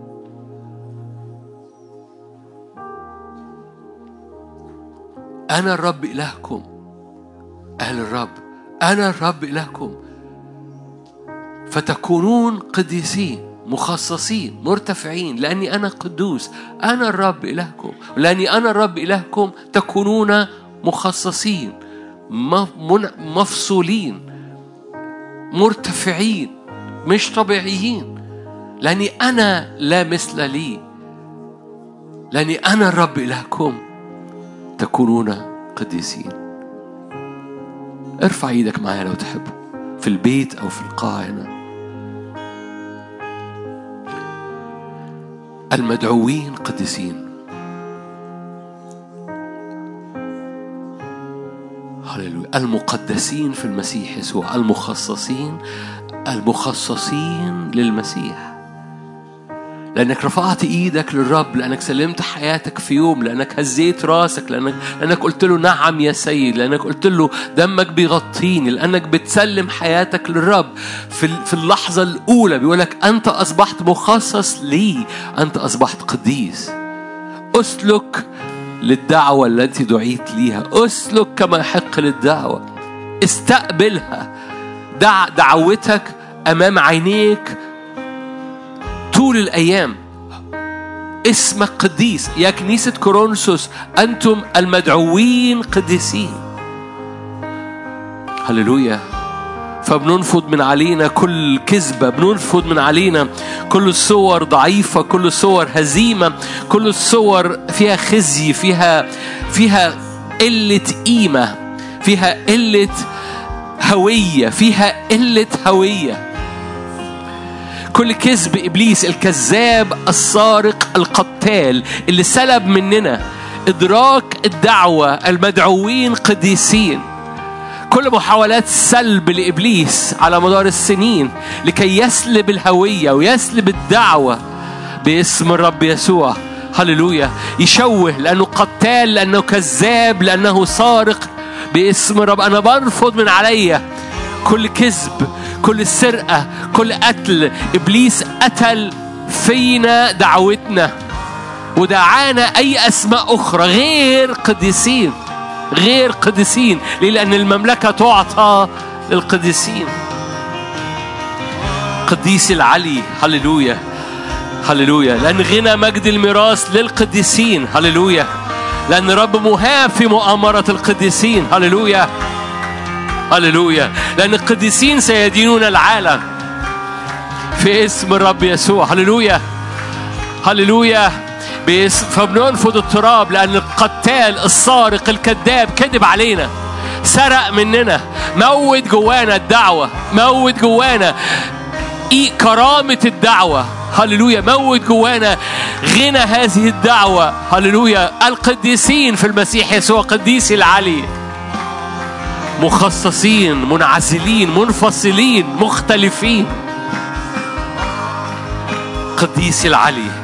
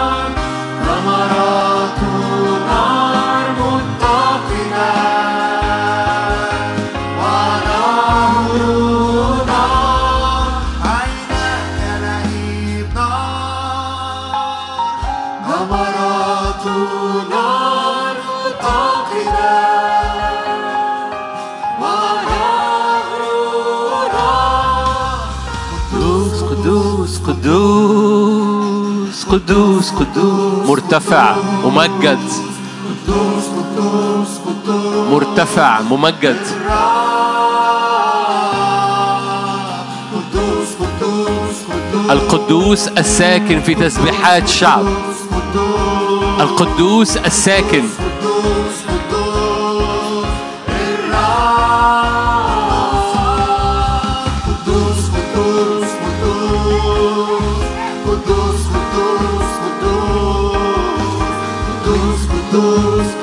المدعوين.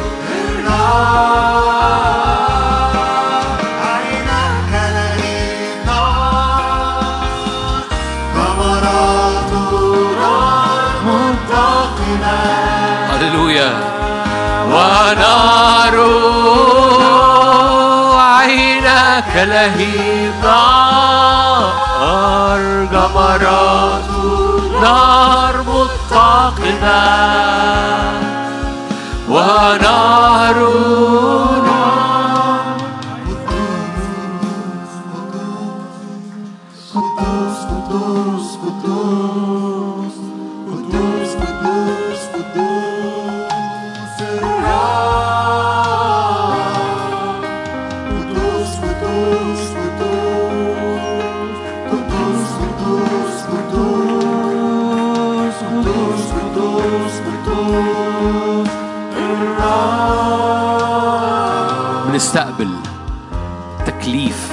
الدعوة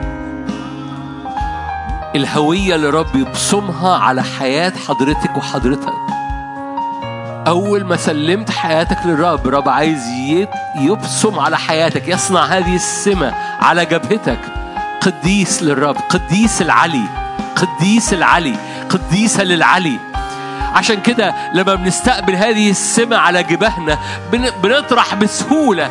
كل حاجة تانية لأن لأن دي الهوية اللي بن بن مش حالة بنوصل لها دي الهوية اللي بنعيش فيها وبنكبر فيها. قديس العلي قديس العلي غمض عينك و... و... وادرك ان رب يعدي وبيعمل هذه السمة.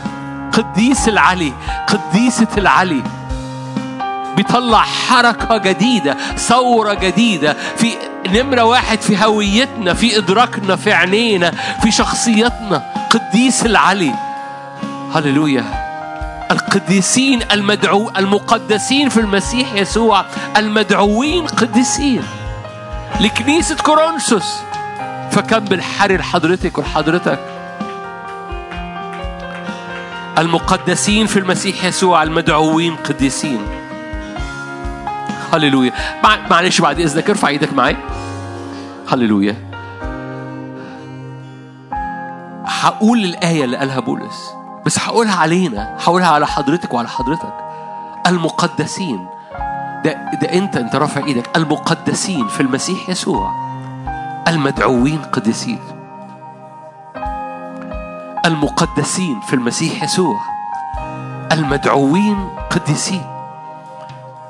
المملكة تعطى لقديس العلي غنى مجد الميراث للقديسين. قديس العلي هللويا هو اسمه قد قدوس إسرائيل أو قدوس الشعب وإنت اسمك قديس العلي. خلي بالك مش قديس قديس العلي الإليون الإليون. قديس العلي مخصص للمرتفع مخصص لهذا الإله المرتفع. فاعلن هويتك اعلن كده جواك أنا مخصص للإله العالي. أنا أنا مخصص لالهي اللي ملكني أنا منفصل أنا من أنا أنا مخصص. أنا برتفع لهذا الإله اللي أنا برفعه الآن. أنا قديس للعلي. باسم الرب يسوع قديس العلي. بنرفض من علينا كل تراب بنرفض من علينا الحياة الطبيعية العادية لأن المرتفع ده مختلف عن الحياة العادية ده قديس للعلي. فاعلن كده أنا ب... أنا بنفض من عليا كل تراب. خد اللحظات اللي جاية كده اعلن إنك بتنفض من عليك كل تراب آخر لأنك قدس للرب قديس العلي.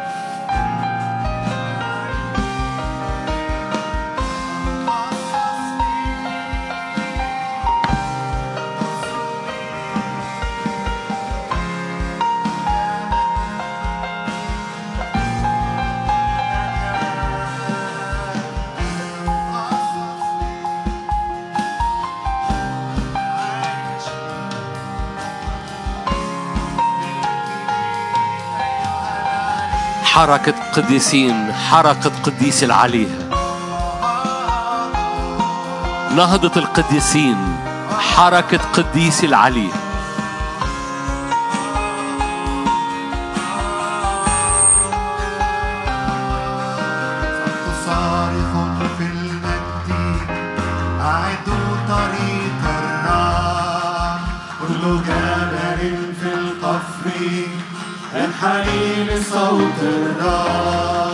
صوت صارخ في المجد.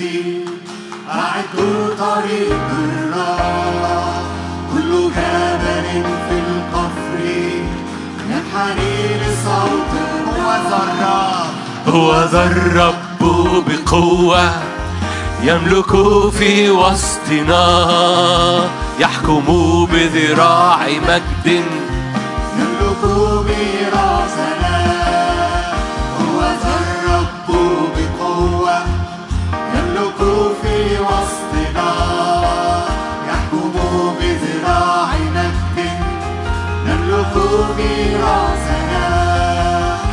عراقيب تصير سهلا. معوجات تصير مستقيمة ويرى مجد الرب علينا. عراقيب تصير سهلا. معوجات تصير مستقيمة ويرى مجد الرب علينا. هو ذا الرب بقوة يملك في وسطنا يحكم بذراع مجد. يملك ميراثنا هو ذا الرب بقوة. يملك في وسطنا. قديس العلي. يحكم بذراع مجد.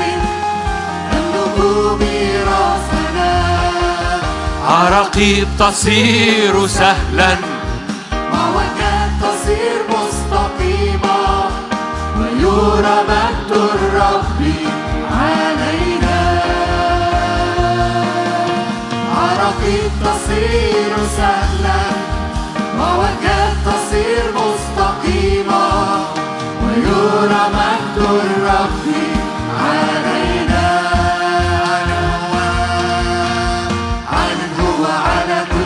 الشعوب يحمدون اسمه العظيم والمهول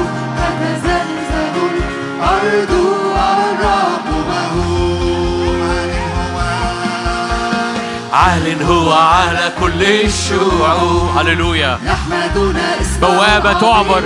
بوابة تعبر. مهول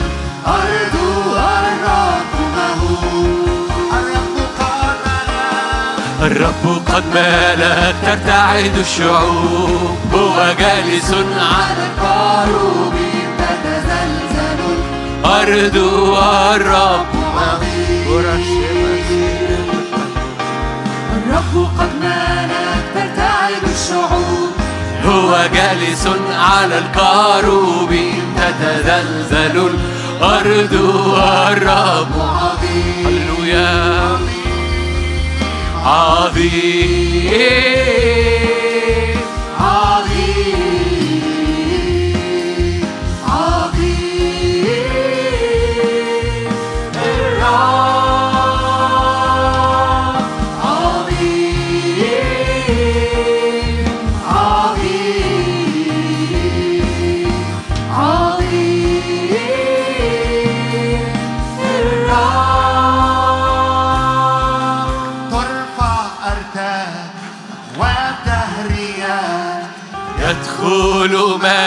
ملك المجد بها من هو هذا؟ مالك المجد رب قدير جبار في الختام ترفع أرتام أبواب دهرها يدخل ملك المجد بها من هو هذا؟ مالك المجد رب قدير جبار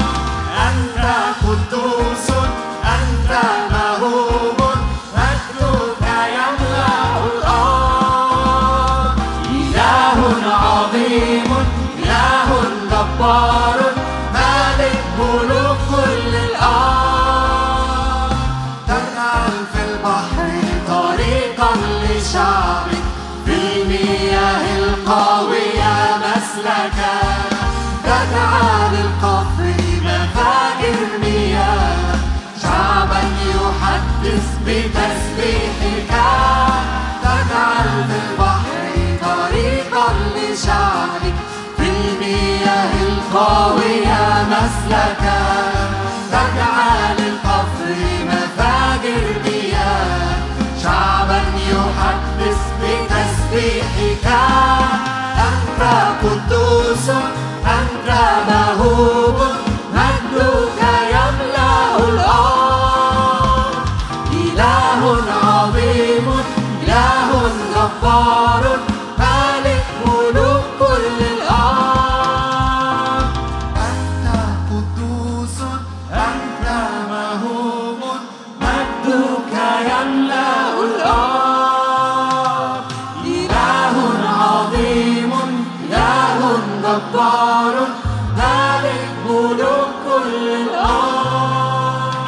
أبويا السماوي من أجل البوابة اللي تعبر. بوابة تفتح فيها عينينا تفتح فيها ودنا فتفتح فيها سلطاننا بوابة لأراضي بوابة لترقيات بوابة لحصاد بوابة لامتلاكات لم تحدث من قبل. أشكرك من أجل الحياة في اللي جاي من دلوقتي. أشكرك من أجل وقفة مختلفة. هوية مختلفة أنوار مختلفة تمييز مختلف فسلطان مختلف في اسم الرب يسوع. أبويا السماوي غطي بأنوارك كنيستك غطي بأنوارك شعبك غطي بأنوارك أذهاننا وعينينا وودنا غطي بأنوارك. اطرد القتال الكاذب والسارق اللي كذب وسرق من أذهاننا على مدار السنين. هللويا. هللويا هللويا هللويا. نعلن دمك بيطرد الكذاب السارق القتال باسم الرب يسوع. بنعلن أراضينا مليانة أنوار. عبور هذه البوابة بسلطان في اسم الرب يسوع باسم الرب يسوع. هللويا. هللويا. هللويا.